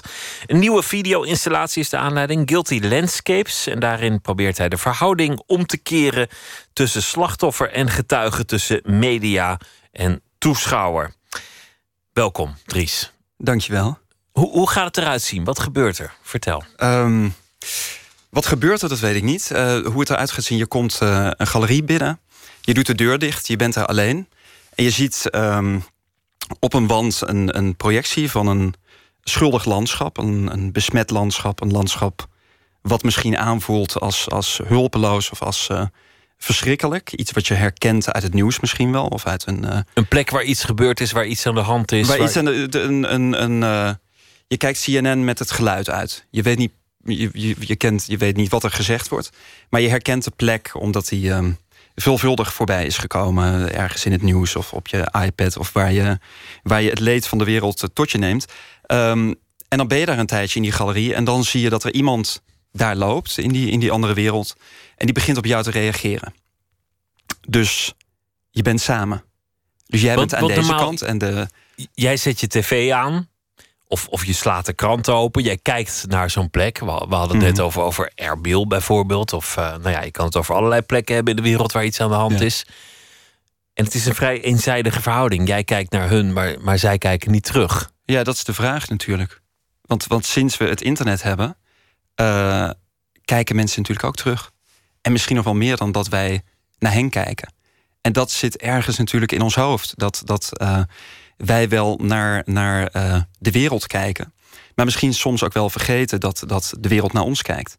En Dat, afwachtend naar ons kijkt. Of beschuldigend. Of, heel, heel ja, beschuldigd of geïnteresseerd. Of zeker op het moment dat jij niet het meest fortuinlijke leven hebt, dan heb je er, is er misschien wel veel meer aan gelegen om The Guardian online te lezen en te kijken wat, wat eh, gebeurt er eigenlijk in de wereld. Hoe kijken de mensen in Engeland eh, of in Nederland of in West-Europa of, of waar dan ook naar ons. En dat is elke keer als ik er- ergens in een verre ben en geconfronteerd word met mensen die daar wonen en die het over mij hebben, eh, confronterend. Omdat je dan erachter komt dat zij heel vaak wel degelijk weten hoe wij kijken. Ja, omdat er natuurlijk een, ook een, een honger is misschien wel eh, in, het, in het proberen te, te achterhalen van hoe, hoe kijken wij. Toch ehm, is het natuurlijk zo dat als we het hebben over de, de, de, de plekken van hulpeloosheid in de wereld, dat we dat heel vaak niet doen met de mensen die daar wonen. Eh, en wat, ja, of, of, of in het kijken een, eh, een gevoel van hulpeloosheid projecteren op mensen. Dat we van alles aannemen over de levens van mensen daar. Dat we Misschien zijn ze wel eh, niet zo hulpeloos. Nee, wie weet is iemand ook. helemaal geen slachtoffer, maar is hij, eh, woont hij in een, in een gebied wat, wat geframed is door de, door de media als zijnde een hulpeloos gebied, waardoor jij als kijker de mensen die daar rondlopen alleen maar als zodanig kan, kan eh, waarnemen. En dat is natuurlijk, dat is misschien wel net zo, ja, zo kwalijk als de onverschillige blik is denk ik de, de, de, de imperialistische of de, ja, de, de postkoloniale blik van de weldoener. Ja, dat je Die, iemand die- bombardeert tot slachtoffer om vervolgens eh, zelf de grote goeddoener te zijn. Precies, en ja. daarmee eh, Alsof- in ieder jij- geval jezelf groter te maken. Da- ja, en, en dat jij meer weet over hoe de wereld functioneert. Of dat jij... Hoe het eh, moet. hoe het wat, moet. wat, wat was het moment dat dit idee zich bij jou opdrong? Wat was de aanleiding en wat was die eerste gedachte? Dat is een moeilijke vraag. Hè? Dat zijn heel veel verschillende momenten. Dat is een... Maar wat was het gevoel waar het, waar het uit voortkwam? Ja, ja, dat, dat zijn heel veel momenten. Ik, ik, ik ben wel veel in het buitenland. En dan... Ja, dus ik ben in Sri Lanka geweest. Ik ben in India geweest. En, en ja, daar ben ik ook in, in sloppenwijken geweest. Bijvoorbeeld... ehm, ik herinner me een ontmoeting met een jongen in een sloppenwijk... die nadat hij ehm, in zijn Cambridge English eh, mij had rondgeleid... en, en hij studeerde dan ehm, international business iets. En hij liep daar in pak. En, en aan het einde van de, van de rit vertelde hij me... ah, dan ga ik je nu nog even mijn eigen plek laten zien. En dat was een heel klein hutje. Dus het moest even door mij... Het, duurde wel zes minuten voordat ik dacht... Ah, dus zo iemand als jij kan hier ook wonen. Ondanks dat je een pak aan hebt... en ondanks dat je, dat je iets eh, studeert. Ehm, en vervolgens kwam in dat hutje en vroeg ik... Ah, is dit dan de keuken? Want ik zag een, een, eh, een kraan ergens in de hoek. Ja, ja, dit is de keuken. En dit is de slaapkamer. En dit is de kelder. En dit is de... En met hoeveel mensen ben je hier dan? Met z'n zevenen. Dus toen vertelde hij me hoe ze daar sliepen. En dat was eh, eh, met z'n zevenen naast elkaar. Als één iemand zich omdraait, moet iedereen zich omdraaien. En vervolgens gingen we het over mijn slaapsituatie eh, hebben. En en, en eh, werd hij overmand door een groot gevoel van medelijden. Want zei hij, maar moet je dan echt alleen slapen? Maar hoe val je dan in slaap? Alleen. Eh, eh, je hebt toch mensen nodig? We zijn toch. Hij, hij keek eigenlijk net zo verward en, en net, net zo. Wij keken met een gedeeld medelijden. Want ik dacht, mijn god, met zeven mensen. Hoe moet je dat doen? En hij, En dacht, die- ach, helemaal alleen. En hij dacht helemaal alleen. Maar wij zijn als katten gemaakt, zei hij. We zijn toch little kittens. We zijn toch. Als mensen heb je toch mensen nodig. Een kluwe, Eh, ja. Ja, dus dan. dan nou ja, dus, eh, ik heb wel meer van dat soort verhalen. Maar van. Ja, toch altijd dat je denkt. Jee, wat een aannames dat mijn, mijn, mijn blik over hoe de wereld is gefunctione- functioneert. Of wat goed of slecht is. Of eh, hoe we zouden moeten kijken. Dat dat een gedeeld. Ja, dat dat. dat een gedeeld waardesysteem is. En dat ehm, is natuurlijk helemaal niet zo. Ik zag twee jaar geleden een installatie van jou. eh, waar je toen nog de laatste hand eh, aan het leggen was. Dat was eh, een plekken in de wereld waar een, een ramp aan de Mhm. hand was. Nagebouwd als maquette. En dan mieren die als, als echte mensen, als een echt volk. die plek bewoonden. Ja. Dat, dat vond ik ontzettend indrukwekkend om te zien. Een heel, een heel gek idee eigenlijk. Een ramp nabouwen en dan de mieren de ramp laten ondergaan. Ja. Maar, maar Ja, het zette dus- op heel veel manieren ook aan het denken. Het, het is vaak bij jou een plek die in, jou, in jouw installaties en voorstellingen centraal staat, lijkt het. plek. Ja, nou, dit dan inderdaad. Deze hebben inderdaad wel gemeen dat het het kijken is naar de plekken waar je, waar je normaal misschien liever van wegkijkt. Of die misschien zo vol zitten van associaties, van aannames, dat je niet meer ehm, neutraal kan kijken, dat je niet meer blank kan kijken. Ehm, maar het is eigenlijk ook altijd de, de, de kijker in contact brengen met zijn eigen ongemak. Eh, en dat hopelijk doen op een hele schone manier, op een hele aantrekkelijke manier. Waardoor je langer gaat kijken dan, eh, dan normaliter. En dat gebeurde bij die mieren. eh, Ja, dat, daar was het eigenlijk door uit te zoomen. Door, door de mens te vervangen door een mier. Dus dat waren eh 70.000 mieren die, die eh, 70.000 mensen representeerden. Ehm, en eigenlijk omdat je uitzoomt en, en, niet meer meegaat in dat leed, eh, bleven mensen een kwartier lang staan kijken naar, naar Fukushima of naar een overstroming of naar ehm, willekeurig welke rampplek waar je normaal gesproken eh, gevoelens van, van ja, ongemak bij voelt. En dat is nu misschien wel het, het tegenovergestelde, dat we zo ver inzoomen dat je in al die, in die, in die verschillende eh, ongemakkelijke plekken één iemand ziet. Die, die eh, zo dichtbij komt eh, als dat je het nog nooit hebt meegemaakt. Waardoor je ook naar jezelf kijkt. Dat, dat, dat, dat, hoop ik, ja. Dat, dat is wat, eh, wat ik zo mooi vind aan de beeldende kunst. Dat je mensen medeplichtig kan maken. Dat, dat jij in principe gewoon door kan lopen. zoals je in een museum ook doorloopt. Tenzij een werk zo ongemakkelijk is, of zo fascinerend, of zo irriterend is. Dat je aan jezelf moet uitleggen dat er iets verandert in jouw bewegingen. Dat je eh, langer blijft staan in een zaal. Of dat je denkt, waarom ben ik nou in godsnaam zo snel door die zalen heen gelopen? En dat je dat aan jezelf moet uitleggen. En dat is bij een performance natuurlijk eh, anders. Waar je in principe verwacht wordt te blijven zitten. Ehm, waardoor mensen ook op de, op de automatische piloot kunnen gaan. Laten we beginnen met eh, de kaarten. De bak staat voor je. Ik wil je vragen een kaart te trekken. En, Het is zo spannend, hè? Dit is, ja, het is, je weet het nooit.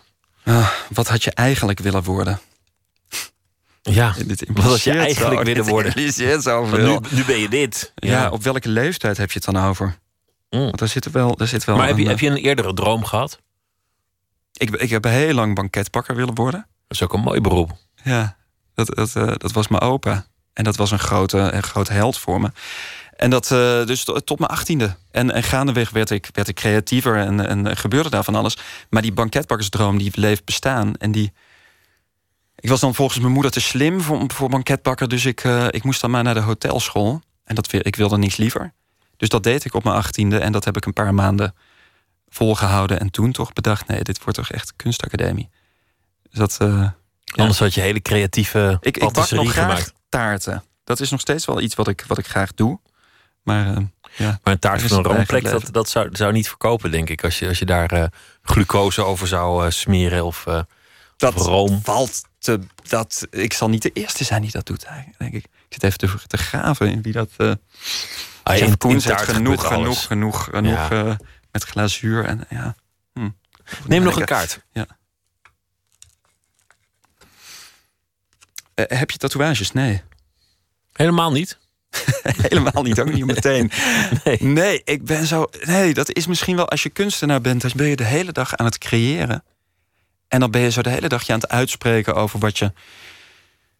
Wat je vindt van de wereld en hoe je je verhoudt en wat van belang is en wat niet van belang. En waar je zo, waar je zo voor staat. En, en dat kan ik tot uitdrukking brengen in mijn werk. En dat hoef ik dus niet op mijn huid te zetten. Bovendien ehm, ben ik wispelturig. Weet ik dat datgene wat ik vijf jaar geleden in uitzendingen als dit uh, heftig ja, verdedigde, kan je nu dat aanvallen. Dat nu al of- lang niet ja. meer aan de hand is. Ik, Ja. ik, ik ontwikkel mezelf. Ja, en weet je, al die gedachten over waar je voor staat. Dat de mens is toch fluïde. De mens verandert. En we, we, we ja, en dat, dat, ik vind het zo. Eh, Ja. Ja, ik vind het ook mooi hoor, bij sommige mensen dat ze, dat ze zeggen: maar dit is van waarde en dit wil ik onthouden en ik wil hieraan herinnerd blijven worden. Maar Ik vind vaak de, vind de de- tatages mooier dan het verhaal erbij. Ja, nou, dat het is verhaal ook- maar erbij dat is een- dat is een, wel- denk wel een beetje tegelig. Is dat niet ook deze tijd of zo? Ja, dat de zo wordt? emotioneel en groot en, en eh Want ik heb dat dus ook bij, eh, bij graffiti heb ik dat ook. Dat ik zo denk, jezus, dat is veranderd in, in pissen in de hoek. Dat is zo je, je, je tag op de muur schrij- schrijven. Ik, eh, Benny was hier. In plaats van eh, anarchisme en alles wat daarvoor staat, deel ik in mijn hele wezen. Eh, ik, ik, ik heb niks tegen. Ik vind graffiti heel vaak eh, goed of, of voedend in een stad.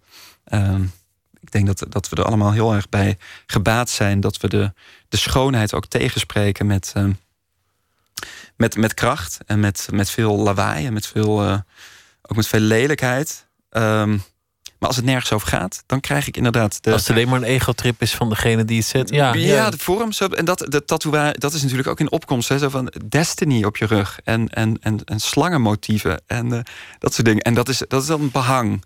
En met behang heb ik niet zoveel. Nee, ik ook niet eigenlijk. Nee, neem nog een kaart. Heb je een held? Die zit er vaak veel, die zit er meer in, of niet? ja, weet ik echt niet. Ik vind het zo'n logische vraag. Ehm, heb ik een held? Ook dat ver- verandert. Eigenlijk. Dat, in de dat- kunsten? Heb je, heb je in, in de kunsten eh, grote voorbeelden of mensen naar wie je in het begin keek, dat je denkt, ja, dat blijft toch wel? Ja, eh, Christoph Schlingensief. Ik weet niet of dat de naam is die je iets, eh, Nee, die iets zo. zegt. Het is een, een, eh, een Duitser die ehm performance werk maakte. Ook in de, in de openbare ruimte. En daar niet alleen maar hoor. Hij was ook filmmaker. Ook, ook, eh, maar heel politiek geëngageerd. Ehm, en enorm en, en radicaal.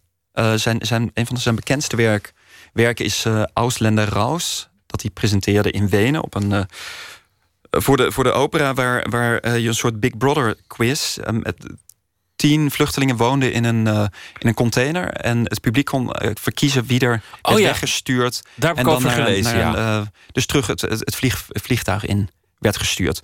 En dat presenteerde hij als zijnde de FPE en de, en de, Bildzeitung of iets. Ik weet niet hoe het in, in, in Wenen heet, maar de, nou het equivalent van, van de Nederlandse Telegraaf. En er stonden twee grote vlaggen bovenop die container eh, als zijnde die, eh, die twee afzenders. En ehm, het publiek eh, werd dus verleid om die mensen naar huis te sturen als, een, als, ja, als zo'n quiz.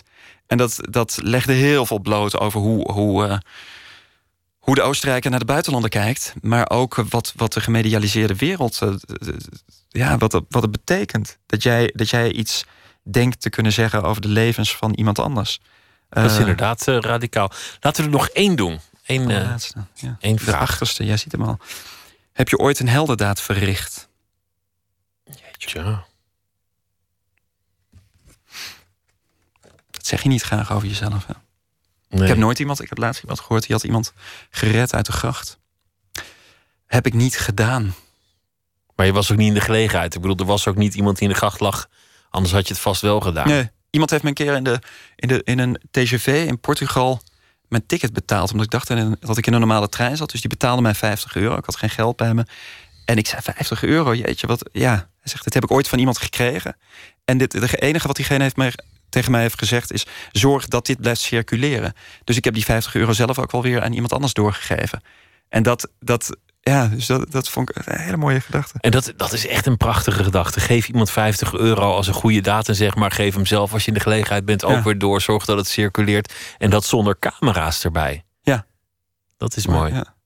Dries Verhoeven, dankjewel. Guilty Landscapes heet eh, de installatie. En ehm, hij is te zien vanaf donderdag eh, 19 mei... op het Springfestival in Utrecht. Dankjewel. Graag gedaan. Sinds 2008 is hij actief in de muziek. De Britse singer-songwriter Jono McCleary. Vorig jaar eh, verscheen het album Pagodes, waarop een stemmig liedje staat over liefdesverdriet. The Idea of Us.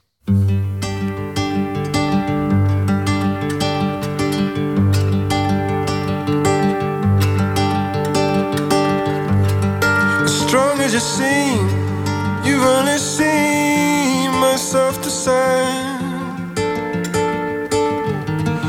You're falling for me, and I ought to you don't know me, but you can find in this idea. Of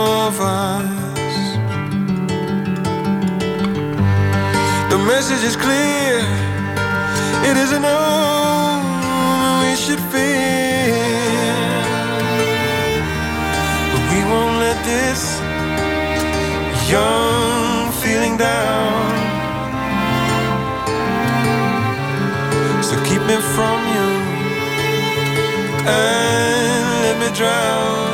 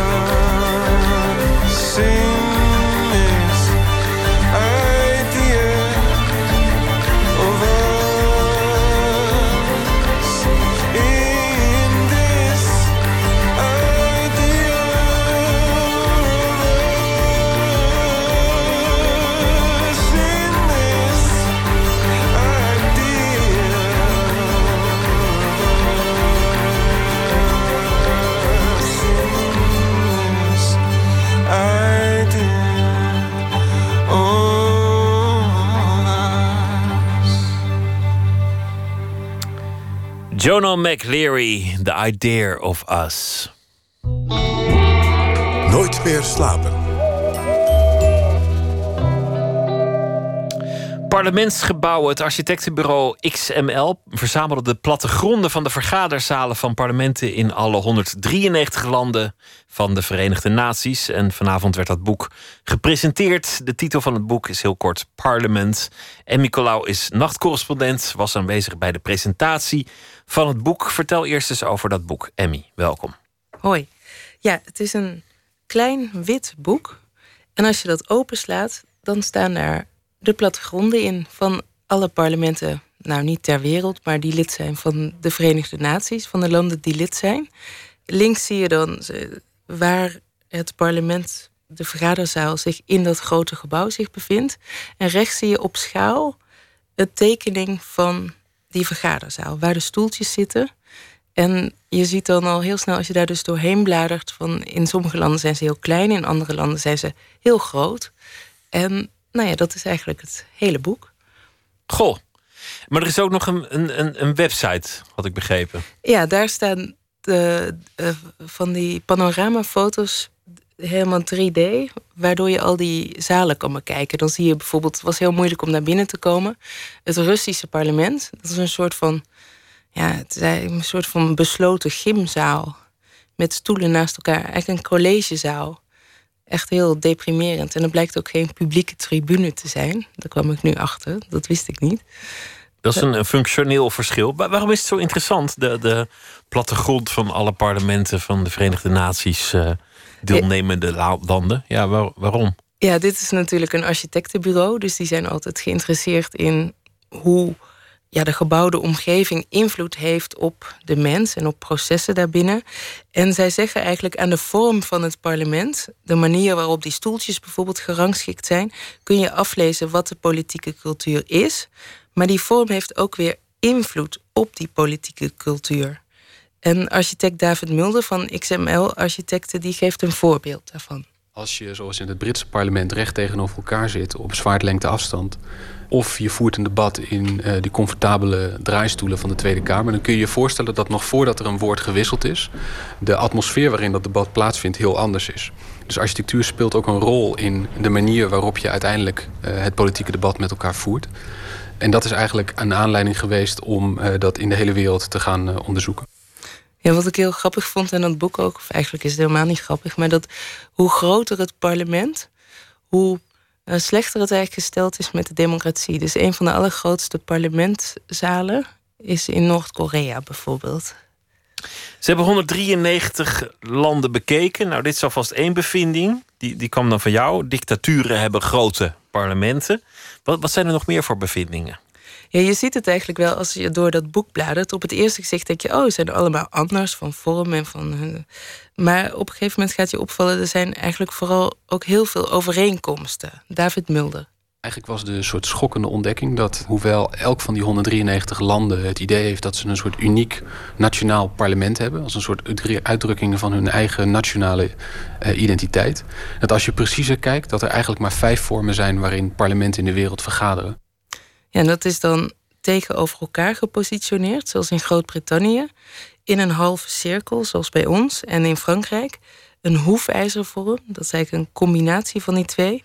Een cirkel, dat is een, de meest idealistische variant, dan een beetje het idee van we zijn allemaal gelijk. In West-Duitsland hebben ze dat één jaartje gehad, net voor de hereniging. En je hebt het klaslokaal model, noemen ze dat dan. Dat is dus het, uh, ja, het dictatuurmodel zou je kunnen zeggen, zoals in Rusland en Noord-Korea. David Mulder zei dat hij het schokkend vond dat er maar vijf vormen waren. Waarom is dat? Ik denk omdat hij, niet zo heel gek natuurlijk voor een architect, dan vindt dat er heel veel meer mogelijk is. Dus het is een beetje een soort ideeënarmoede. En de meest veel voorkomende vormen, die tegenover elkaar en die in een halve cirkel, die komen bijvoorbeeld uit de middeleeuwen en de 19e eeuw. Of eigenlijk met een verwijzing naar de klassieke oudheid. David Mulder. Het zijn dus eigenlijk allemaal vormen die, uh, laten we zeggen, voor 1850 zijn ontwikkeld. Uh, en het merkwaardige is natuurlijk dat, laten we zeggen, terwijl uh, binnen die ruimtes er eigenlijk niks veranderde, buiten de muren van het parlement de wereld natuurlijk totaal veranderd is. radio, televisie, digitale technologie hebben eigenlijk het hele politieke domein totaal veranderd. Politiek is ook steeds complexer geworden. Dus het boek stelt eigenlijk ook de vraag hoe we Eh, op een moment waarop eigenlijk op verschillende plekken in de wereld het vertrouwen in democratie onder druk staat, je eigenlijk ook opnieuw naar die zalen zou kunnen kijken. Eh, en op welke manier vanuit architectuur daar op een nieuwe manier een relatie zou kunnen maken tussen samenleving en politiek. Ja, hij wil dus eigenlijk dat er wat verandert of verbetert. En wie het daar heel erg mee eens is, is D66-leider Alexander Pechtold. In het Nederlands parlement vind ik het wat steriel. Ik, ik, ik vond de politiek altijd interessant omdat Hans van Mierlo over de oude Tweede Kamer zei: eh, Ik ruik de geur van wilde beesten. Toen werd ik zelf parlementariër en ik dacht: Ik ruik alleen maar hoogpolig tapijt. Wat zou hij dan willen? Heeft hij ook ideeën aangeleverd? Nou, eh, hij wil een heel aantal dingen niet. Namelijk, je moet niet te gemakkelijk kunnen zitten. Want dan ga je maar onderuitgezakt een beetje zitten twitteren. Je moet elkaar als opponenten eigenlijk aan kunnen kijken. En hij wil ook niet dat het kabinet zoals dat nu is, wat eigenlijk raar is, in een soort, hij noemt het dan een soort skybox, boven het parlement zit. Terwijl het parlement moet natuurlijk boven de regering zitten, want zij zijn de wetgevende macht. En als je nu iets tegen de minister wil zeggen, doe je dat via de voorzitter. Maar je kan de minister dan niet zien. Dus die zit dan links ergens te babbelen met iemand anders, terwijl jij je statement probeert te maken. Um, en eigenlijk uit alles wat hij zegt merk je dat hij vooral het Britse parlement heel erg bewondert. En je kent dat wel van tv, zo'n klassieke zaal. Maar het debat lijkt er altijd heel heftig en intens en interessant te zijn. En daar blijkt over nagedacht. David Mulder. Toen Churchill na de Tweede Wereldoorlog uh, het uh, Britse parlement uh, liet herbouwen, stond hij erop dat die zaal niet zou worden aangepast aan het gegroeide aantal parlementsleden. De reden was dat bij een belangrijk debat niet alle 650 parlementsleden een zitplek hadden, waardoor je er verzekerd van kon zijn dat het een heel intens debat zou zijn. Ja, nu wil het toeval dat het Binnenhof gerenoveerd wordt en dat in 2020 het parlement tijdelijk naar een andere ruimte moet. Dus dat is wel een mooie gelegenheid om te experimenteren, vinden zowel Mulder, maar vooral ook Pechtold ziet daar naar uit. We gaan nu verbouwen. Dus wie weet, een nieuwe kans. Maar of ik het dan nog meemaak, misschien kom ik er wel voor terug. Ja, nou daar heeft Pechtold het ook. Uh, die weet niet of hij het allemaal nog mee gaat maken en hoe lang hij nog blijft. Logisch ook. Um, het boek van David Mulder, dat is uh, reeds verschenen dus. Ja, het, het, is gepresenteerd, maar het komt binnenkort ook echt in de boekhandel. Die website die kan je al wel bekijken. Hele mooie website. parliamentbook.com in mijn beste Engels. Dankjewel en Nicolaou. Goeienacht. Van die uh, soul acts die nooit helemaal zijn doorgebroken van lang geleden, de jaren 60.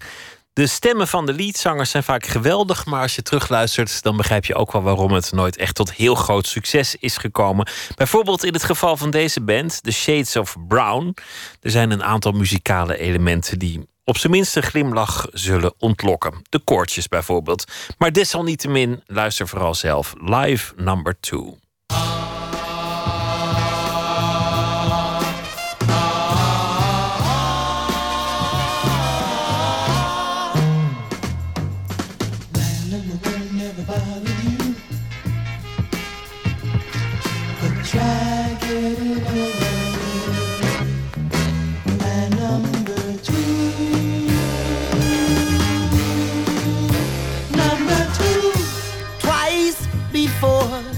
You promised me you were returning to come back to my heart.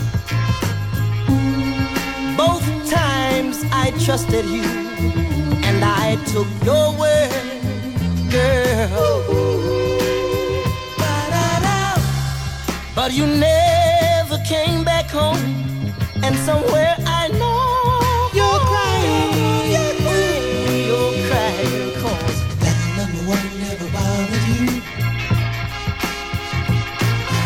try over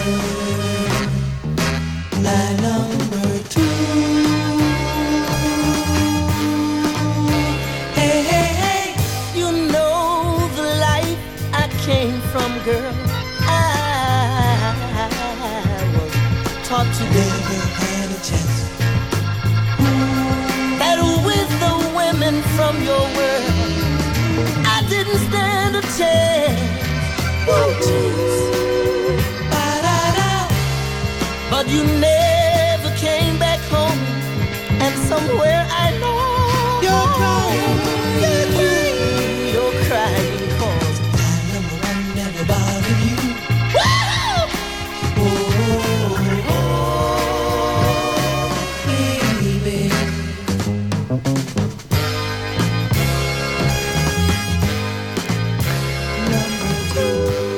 vinden op het album Soul Review Volume 8. Een verzamelaar live number 2 van de 60s band Shades of Brown. Erik Bindervoet zal deze week elke nacht een gedicht uitkiezen en voordragen. Hij is vooral bekend vanwege zijn vertalingen, meestal samen met Robert-Jan Henkes. Onder meer van James Joyce heeft hij veel vertaald en daarvan komt ook het gedicht vannacht.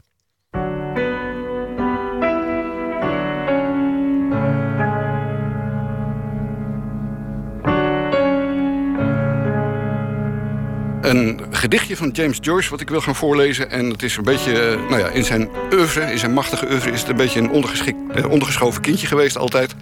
Maar uh, ze zijn toch net zo, minstens net zo goed gecomponeerd... als, als een grote werken Ulysses en Finnegan's Wake. En net zo krachtige omsluiering van de oerkreet... die ook Ulysses en Finnegan's Wake eigenlijk zijn.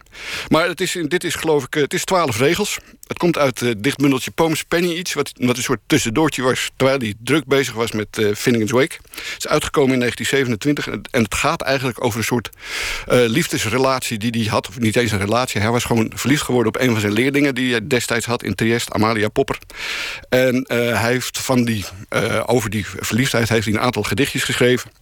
En daar heeft hij toch ook weer een mooie cyclus uit gecomponeerd over het het einde van zijn jeugd eigenlijk. Hij was toen nog maar 30, maar toen was hij nu eenmaal vroeger ouder. Vroeg oud.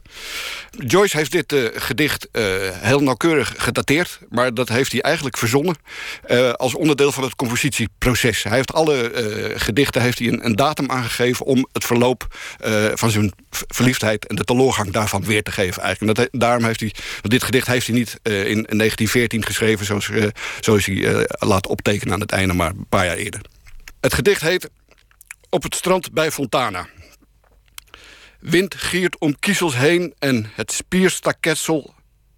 Pardon, pardon, op het strand bij Fontana. Wind giert om kiezels heen en het pierstaketsel rilt. Een zilveren zee telt seniel stenen, beslijmd met zilt. Bij windgegier en kouder zeegrijs kleed ik hem warm. Ik raak hem aan, zijn smalle schouder, zijn jongensarm. Rondom daalt vrees, verzonken duister van vrezen neer. En in mijn hart, zeer diep beklonken, liefdeszeer. Triest, 1914.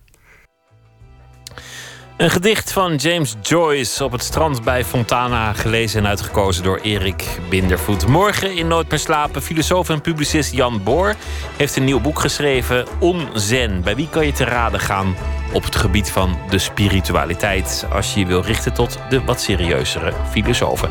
Dat morgen. Voor nu veel plezier met de collega's van BNL. Graag weer tot morgen. Op Radio 1, het nieuws van alle kanten.